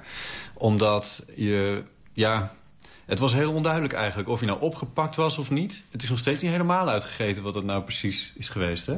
Uh, nee, um, wij denken ook dat ze niet het recht hadden, zeg maar... Nou ja, dan kun je afvragen in hoeverre daar uh, ja. maat mee wordt gemeten. Maar uh, in hoeverre ze ons nou echt mochten verhoren ook. zo lang. En, uh, ja, want dat is gebeurd. Je bent acht uur verhoord. Ja. Een van de makers is het Groningse GroenLinks-raadslid Chris van der Veen. Hij vertelt wat er gebeurde nadat de Russische politie op een laptop... delen van interviews van het viertal had gezien. We zijn heel lang uh, ondervraagd en uh, ja, met het resultaat eigenlijk dat we vandaag uh, dus naar de rechtbank moesten. En uh, wat, wat nu aan de hand is, is dat we nog eigenlijk steeds aan het wachten zijn. Ja, we werden door uh, met name eerst de immigratiedienst uh, gezegd... de, de buitenlanders moeten meekomen naar een verhoorkamer. Dat was jij en je, en je cameraman? Klopt, ja. En, en, en, een tolk en nog iemand die de techniek deed. En uh, daar hebben we toen vier uur gezeten met hen. En daarna nog, uh, toen, toen, toen zeiden ze, nou, jullie krijgen een boete. En toen dachten we, we zijn uh, opgelucht, het is klaar. Maar toen zeiden ze van, nee, de FSB en de politie willen ook nog met jullie spreken. En dat heeft ook nog eens vier uur geduurd. En dat ging, dat ging echt over die homopropagandawet. Nou ja, ze kunnen dus een boete krijgen, eventueel een korte hechtenis... en ze zullen in ieder geval het land uitgezet worden. Correspondent David-Jan Godfrouw, dankjewel. Jij bent uh, raadslid in Groningen voor GroenLinks... En Groningen heeft een stedenband met Moermansk.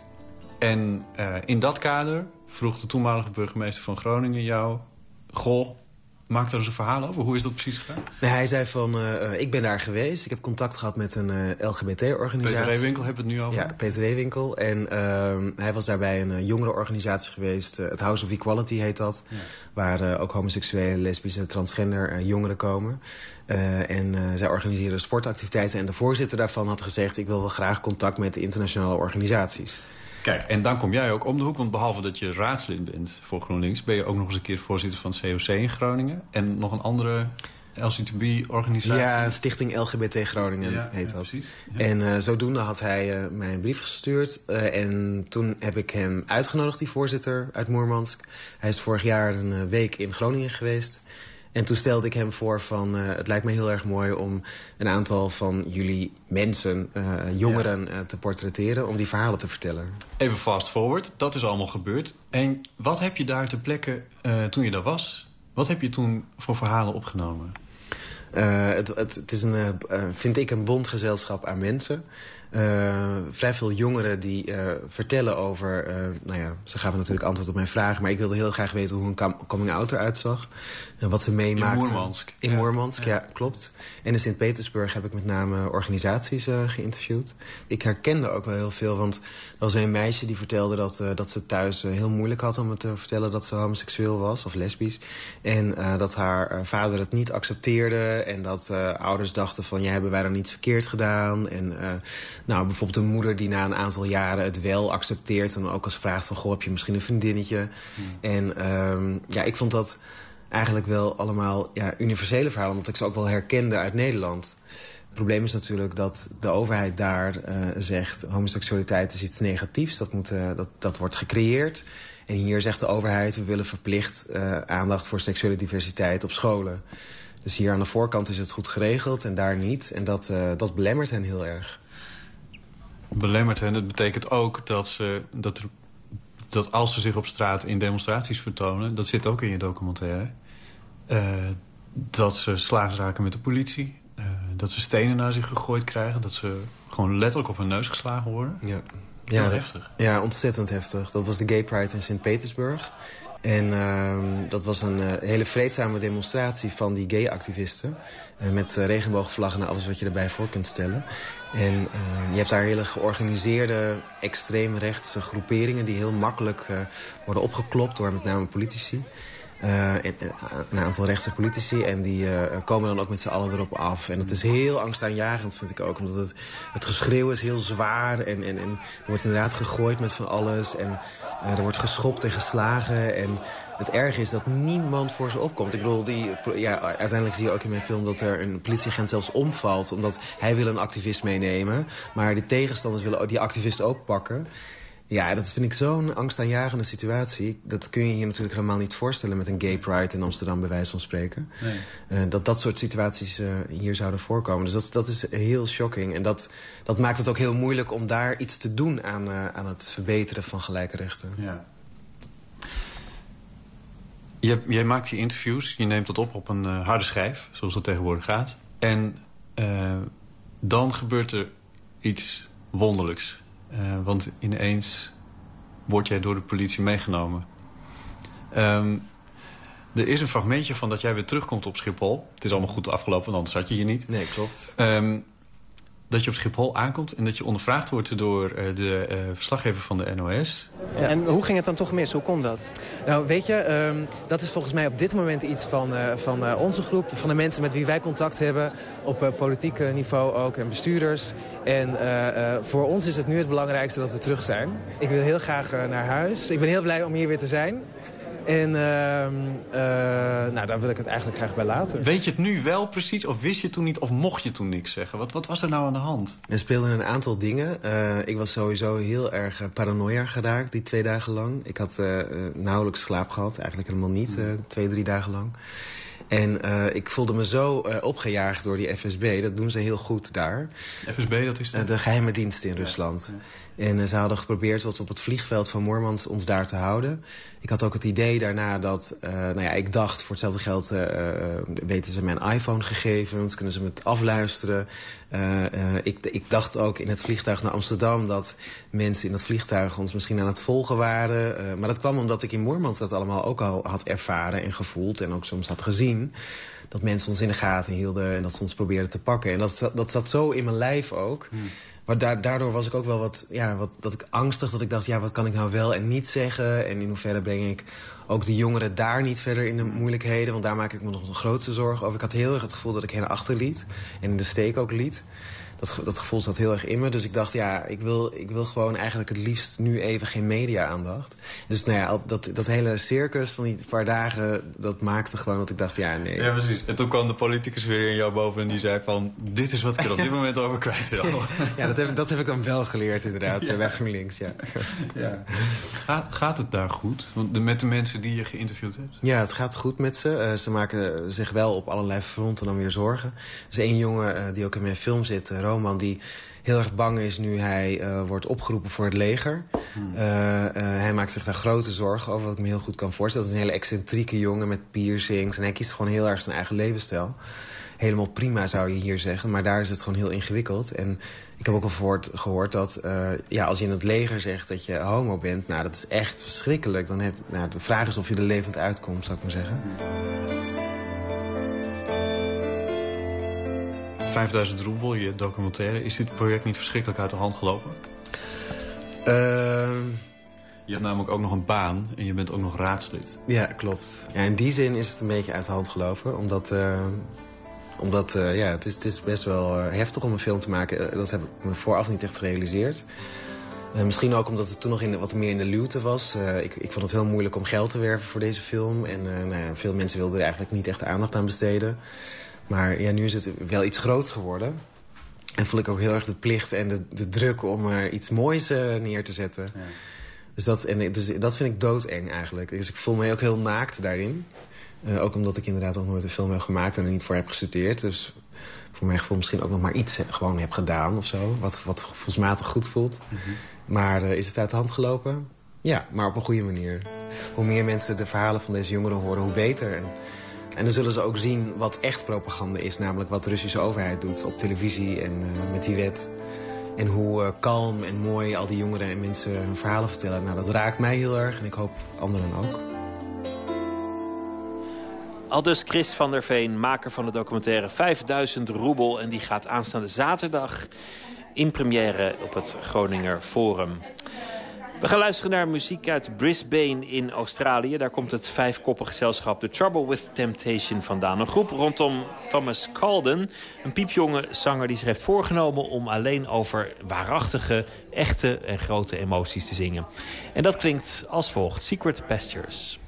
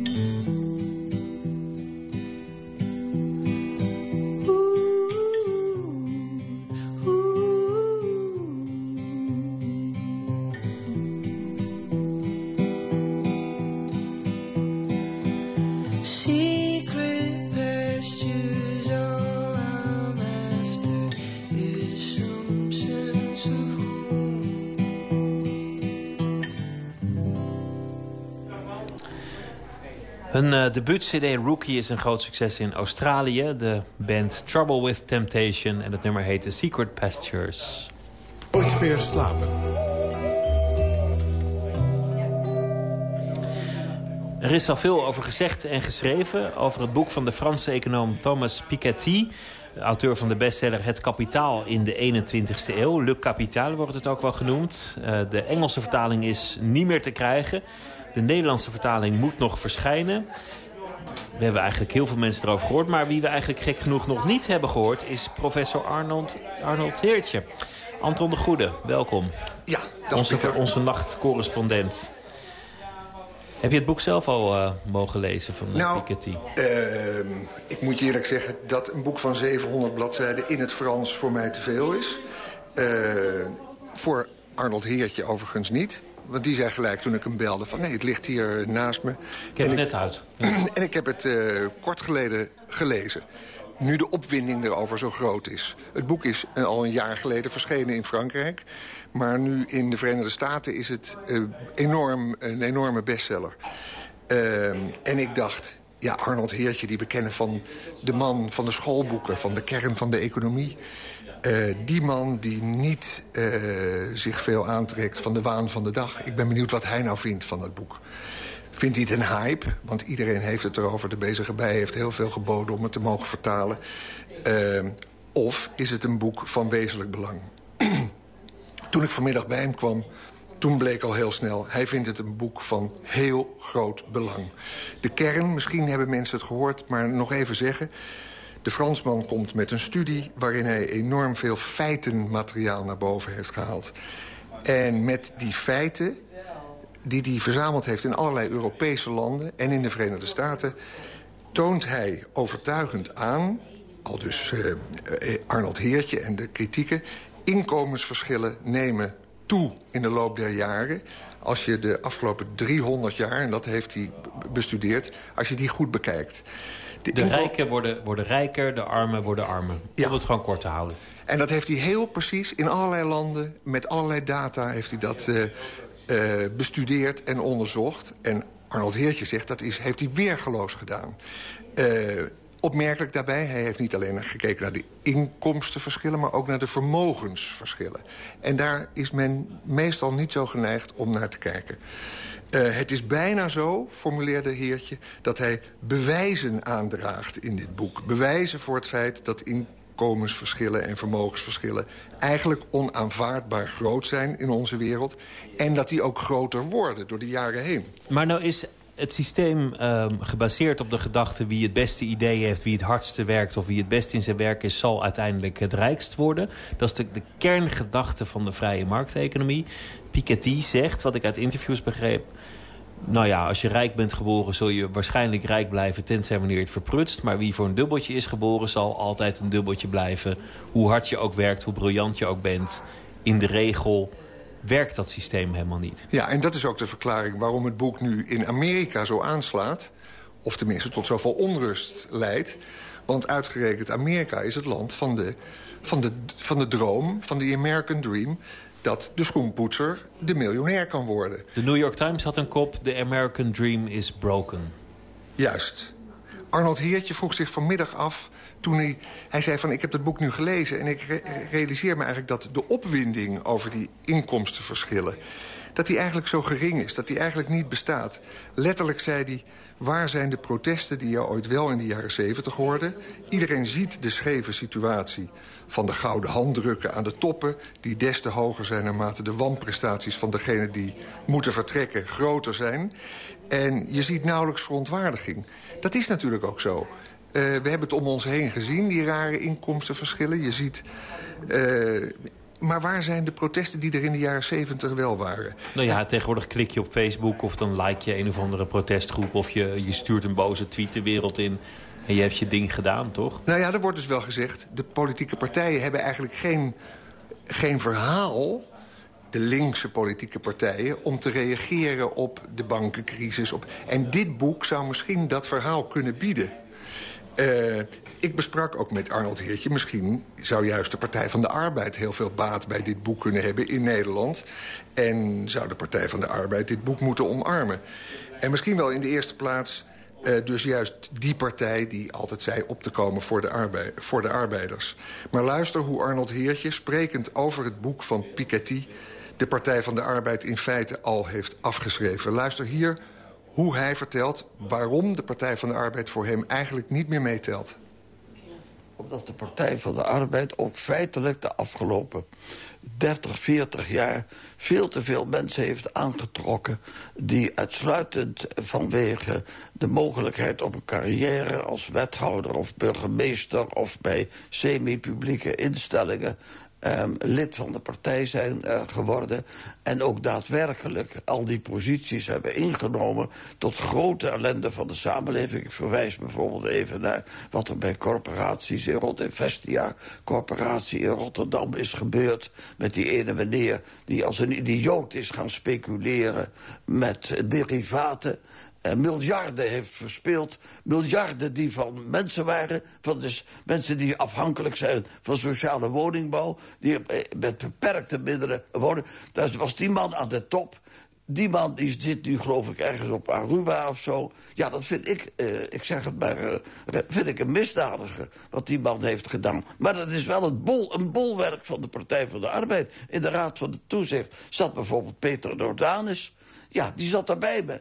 En die heeft daar niets aan gedaan. Dus de, de Partij voor de Arbeid heeft haar positie... wat deze lange termijn ontwikkelingen uit een oogpunt van humanisering van de samenleving... rechtvaardige samenleving, eigenlijk, naar mijn oordeel, definitief verspeeld. Dat haal je naar mijn gevoel niet meer in. Er zijn ook te veel mensen die daar enorm van hebben geprofiteerd de afgelopen jaren. Ook in het onderwijs. Ik, ik loop natuurlijk al heel lang mee. Maar in het onderwijs, die, al, het verknoeien van het onderwijs op de werkvloer aan leerlingen... Het, het ten bate met name van managers in het onderwijs is afschuwelijk. Het is allemaal ten koste gegaan van de jongere generatie... maar met name ook de jongeren die uit, eh, uit beperkte milieus eh, kwamen. Wat, wat trouwens ook voor mij geldt.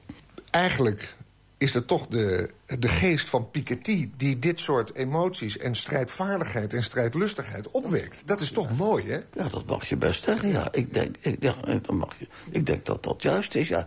Dit hele onderwerp is veel te veel ja, in de schaduw gebleven. En de, de uitsluitende oriëntatie die er ook is... uitsluitend op groei en productie en financiën... en hoe meer winst maken, hoe beter... zonder erover na te denken wat dit allemaal maatschappelijk betekent dat is... Uh, dat, daar, wordt, wordt op een bepaald moment toch een prijs voor betaald. En dit boek, ja, nogmaals, het mooie van het boek is... het is niet een pamflet, eh, laat ik zeggen, in de geëmotioneerde zin... zoals ik dat uh, tot uitdruk. het is echt een fundamenteel boek over data, over materiaal.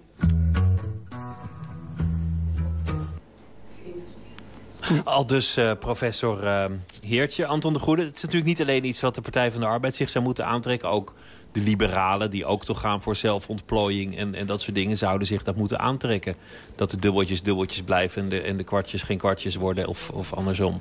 Dat is, niet, dat is niet een links thema. Dat is gewoon een thema dat volgens mij voor elke partij zou moeten gelden. Nee, nee, nee zeker niet. En, eh, en uh, Heertje is natuurlijk ook helemaal niet een uiterst linkse man of zo. Hij heeft met zijn kern en de economie en zijn Keynes, die hij altijd beschreef...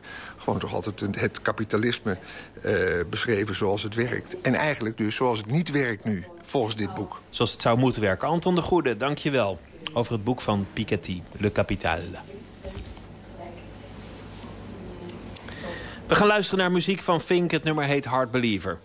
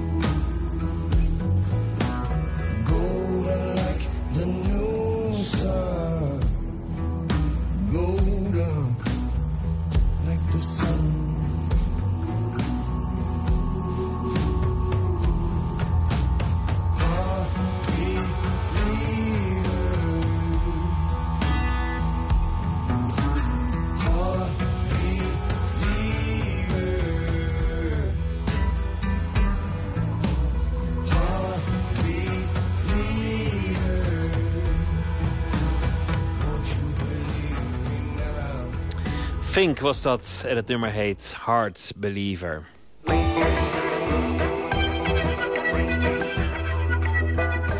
We luisteren naar de VPRO op Radio 1. Joost Doornik uit Groningen is schilder van landschappen, portretten, stillevens en interieurs. En daarnaast is hij sinds enkele jaren eigenaar van een galerie. Die werk van figuratieve Nederlandse schilders laat zien. Hij stelt er momenteel ook zijn eigen werk tentoon. Onze verslaggever Gijsbert van der Wal ging er op bezoek.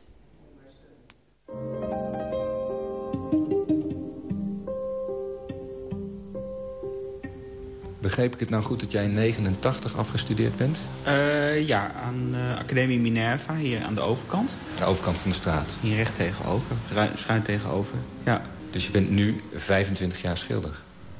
Ja. Ja, nou gefeliciteerd. Dank je wel. Wat heeft het schilderen jou in die 25 jaar gebracht?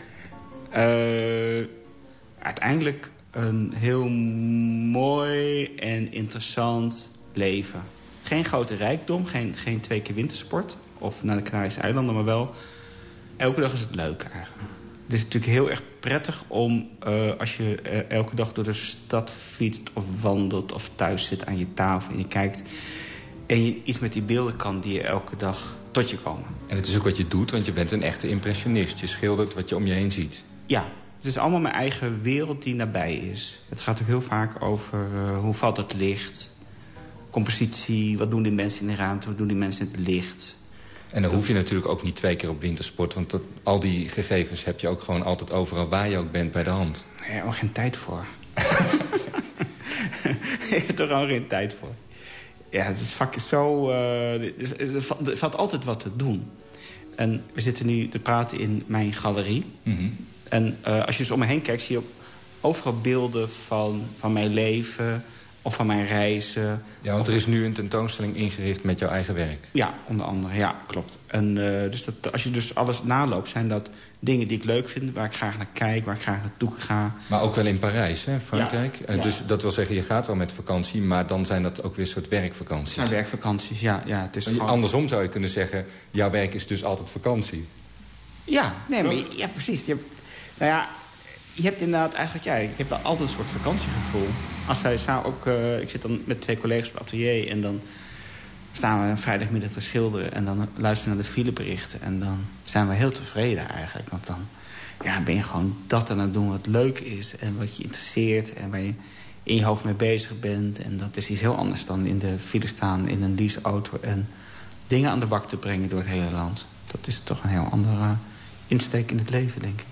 Toch is die insteek jou niet helemaal vreemd van de zakenman, zou ik maar zeggen. Uh, want je hebt dus, zoals je zei, een eigen galerie. De meeste schilders zijn blij dat ze de zakelijke kant en de administratieve kant kunnen uitbesteden aan een galeriehouder of een, of een agent of zo. Ja, ik, ik, ik ben iemand die wel, wel eens te veel hooi op zijn vork neemt. Dus dat is absoluut waar. Dat het, soms is het iets te veel. Ja, maar afgezien daarvan, je, je, je moet er ook een soort uh, plezier in hebben of handigheid. Wat, wat misschien veel kunstenaars niet hebben. Het is heel leuk om, om te merken dat een verkoop, uh, dat een verkoop eraan zit te komen. Dus dat je merkt... En je kunt ook dingen... Dus je kunt winnen voor je werk. Precies. Want ik heb, met die galerie heb ik een soort, soort um, ideële... Er zit een soort ideële kant in deze galerie. Is gewoon een hartstikke commerciële winkel, maar goed. Nee. Nee, de ideële kant is dat je, dat je dus pro probeert de mensen enthousiast te krijgen... voor het soort kunst dat je laat zien. Precies. Voor, voor een soort, soort uh, de betere figuratie in Nederland of zo, zoiets. Dus wel een soort niveau neer te zetten... waarop mensen in feite blindelings kunnen binnenlopen... en kunnen zeggen, nou, als ik iets zoek, iets wil hebben...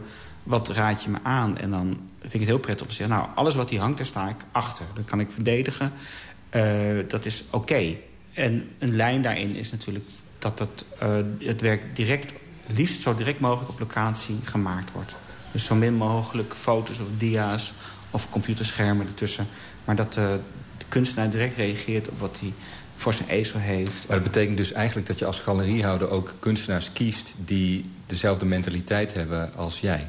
Ja. Toch? Ja, je, je kiest geestverwanten. Je, ja, precies. Je kiest heel erg geestverwanten. Dus dat is ook wat ik vaak ook tegen mensen zeg die voor het eerst zijn... dat het galerie is gebaseerd op het idee van het plein air en het directe. Plein air, ja, precies. Ja, plein air. Dus, uh, buiten schilderen. Ja, surplus. Maar dat kan ook binnen zijn. Ja, als het maar direct is. Het, ja. en, en, en, en waar ik natuurlijk zelf... En die, die galerie is natuurlijk een af, soort afspiegeling van mijn eigen interesse. En dat vraagt ook om een soort intimiteit. Dus dat kan ook binnen zijn, je eigen wereld. Ik vind het heel fijn als kunstenaars met, met olieverf en kwast of ander materiaal... heel direct reageren op hun eigen wereld. En als mensen dus heel erg uh, hangen op een foto... dan is het al niet meer eigen, want er zit die foto ertussen. Dan is het... Hè? Ik, ik zie ook veel liever de worsteling met het onderwerp... dan dat ze perfect de foto afbeelden. De worsteling is veel interessanter dan een perfect plaatje. Want dat is kijken naar iets en proberen je dat, dat eigen te maken. Ja, je, je kunt het proces lezen. Als iemand iets probeert en die, die worstelt met de vorm... en die worstelt met de kleur, dan worstelt hij ook met het moment. En dat kun je, als je veel naar schilderij kijkt, kun je dat zien.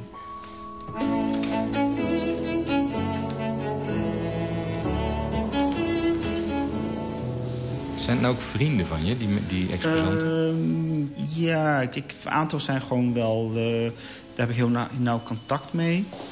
Het is, het is wel heel erg leuk. Uh, veel komen vrijdag of zaterdagmiddag even langs. Dan is het uh, eind van de week soms hier wel een beetje de zoete inval. En, dat nou, is misschien voor jou ook wel een reden om, om, om galeriehouder te willen zijn. Ja, misschien niet een reden, maar iets wat je wel past, denk ik. Je bent niet een eenling, volgens mij, als kunstenaar. Nee, ik denk dat ik een redelijk sociaal uh, dier ben. Ja, je zei net al dat je, dat je een atelier hebt met twee andere schilders samen. Ja. Dus je, bent, je opereert graag in een groep. Ja, vind ik wel heel erg, uh, heel erg leuk. En wat is er aantrekkelijk aan om dat te doen? Als, ik bedoel, vooral als schilder. Wat er, wat er als mens interessant aan is, kan, kan, iedereen zich wel voorstellen. Maar wat heb je er als schilder aan om uh, in een soort schildersband te zitten? Nou, kritiek, hè? Ja? Kritiek krijg je eigenlijk altijd te weinig en uh, nooit te veel. Dus uh, het is altijd heel interessant om, om collega's te horen over je werk... en wat ze er goed aan slecht aan vinden. En uh, dat vind ik wel een must, eerlijk gezegd. Ja, je ziet ook um, vaak als mensen van de academie afkomen... dat ze een soort isolement terechtkomen. Ze moeten alleen die wereld verkennen, alleen gaan schilderen... alleen thema's verzinnen. En ook zelf kritiekvol zijn op jezelf. Het is een heel moeilijk vak waar je heel streng, heel streng voor jezelf moet zijn. Heel veel, je kunt niet met al te veel liefde naar je eigen werk kijken. En dan, dan wordt het niet beter van. Je moet zo, zo kritisch mogelijk eigenlijk uh, gaan schiften wat uh, goed en fout gaat in je werk. Maar het ontbreekt je vaak aan afstand om dat zelf te doen. Dus dan is het handig als iemand die ongeveer hetzelfde doet als jij... Het gaat veel sneller als een collega zegt... Van, nou, dat ene stukje daar, ik werk dus heel graag inderdaad met collega's uh, ook uh, samen buiten. Dus bijvoorbeeld met Hans Versveld, die komt een aantal keer per jaar hier naar Groningen. Die ken ik uit Katwijk aan Zee. En die uh, gaf mij ook buiten een keer een soort schilderles. Katwijk aan Zee, daar woont hij niet, maar nee, er is... er is festival, was dus ieder jaar wordt daar buiten ja. geschilderd door een groep schilders. Ja, en hij schilderde de, hetzelfde onderwerp als ik. Dat was de boulevard. En op een gegeven moment stond daar een soort vuilnisbak met een brommer of zo. En toen uh, zei hij, ja, maar dan moet je zo schilderen. Ik zei, ja, maar hoe bedoel je? En dan kreeg je, kreeg je mijn kwast. En toen deed je dat voor, dat hij de, met veel fellere, zwaardere halen... zette hij die uh, vuilnisbak en die brommer erin. In jouw schilderij? In mijn schilderij. Ja. En uh, ja, dat is fascinerend. Hè? Dat, je, dat iemand... En dan zie je dus hoe iemand kijkt.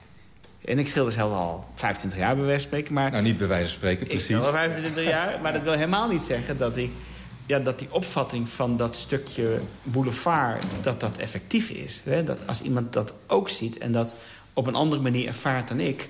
en dat ook nog en dan moet, dan moet een, een schilder, een collega... moet dat maar zelf met zijn eigen manier... Je moet even voordoen. Voordoen, anders dat, begrijp Dat is dan dus het fijne aan dat je samen buiten werkt... Ja. dat hij ernaast zit en het voor kan doen. Ja, hij, hij zat gewoon in mijn schilderij. Eigenlijk is dan je collega een soort leraar, toch? Ja, ja. Ik denk dat je er open voor moet staan. Tenminste, ik sta er heel erg open voor. Ik vind het echt leuk. En Hans Versveld is een van de kunstenaars... van wie je hier in jouw galerie werk laat zien. Dus je omringt je als galeriehouder, schuine streep schilder... ook met werk van collega's waar jij wat aan hebt. Waar je wat van, wat je, waar je wat van kunt leren.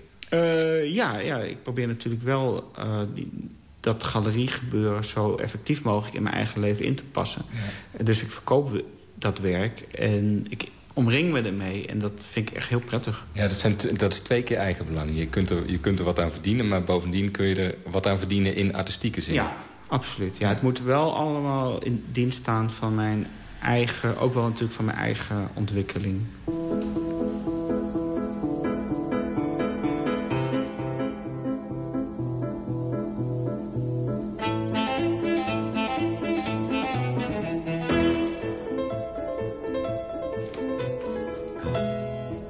Inmiddels hebben we ons verplaatst naar je atelier.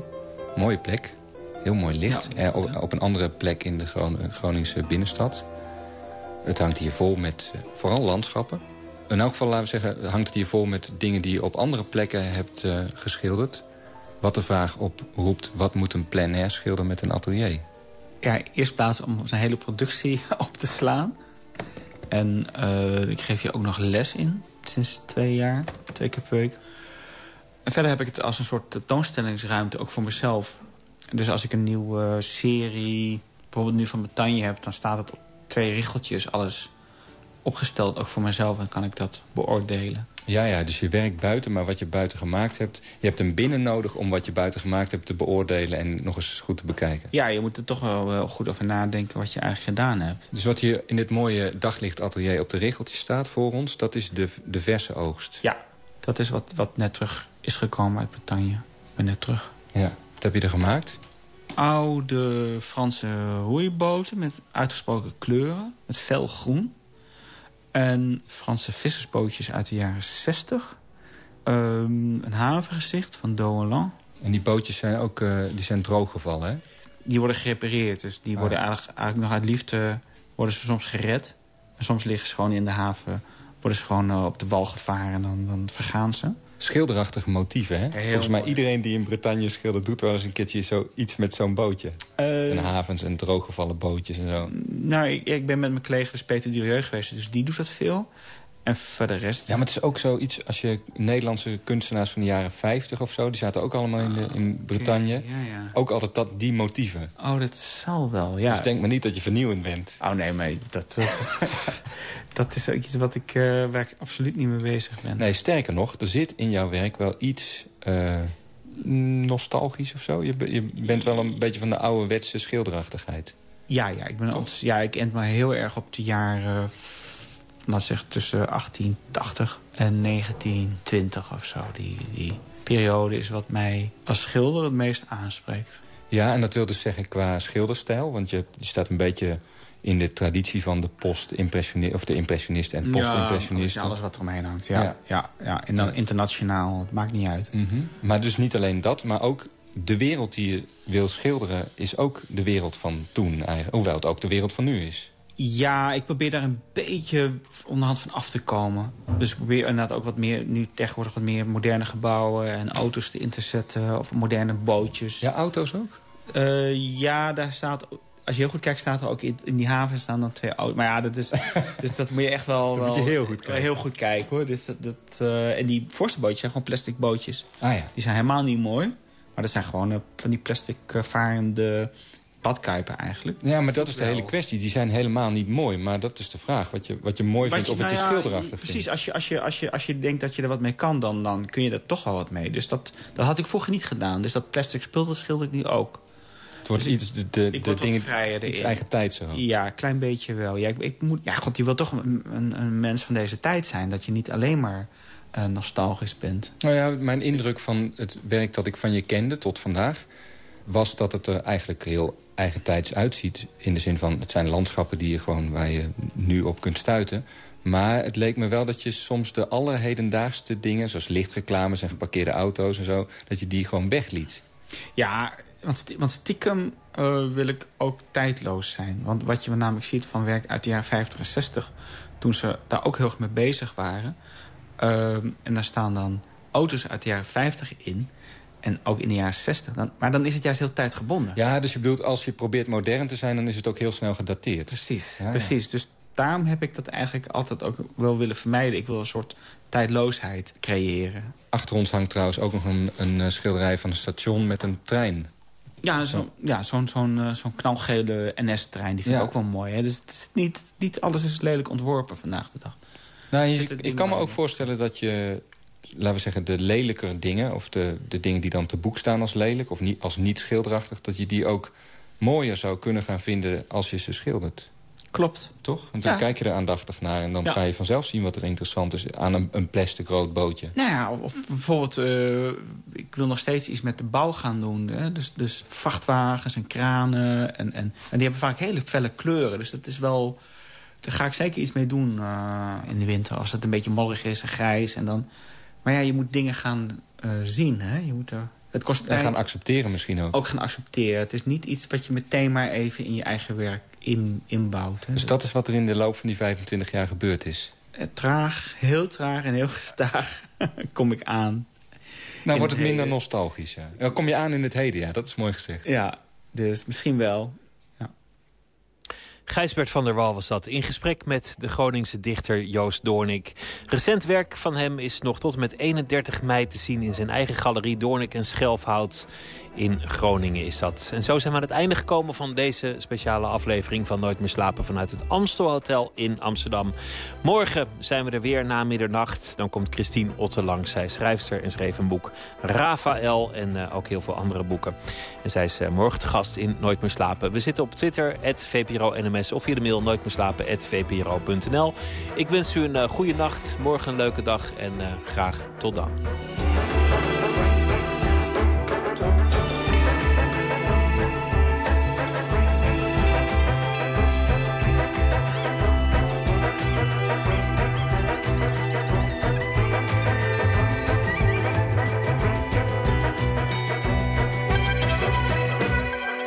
Radio 1, het nieuws van alle kanten.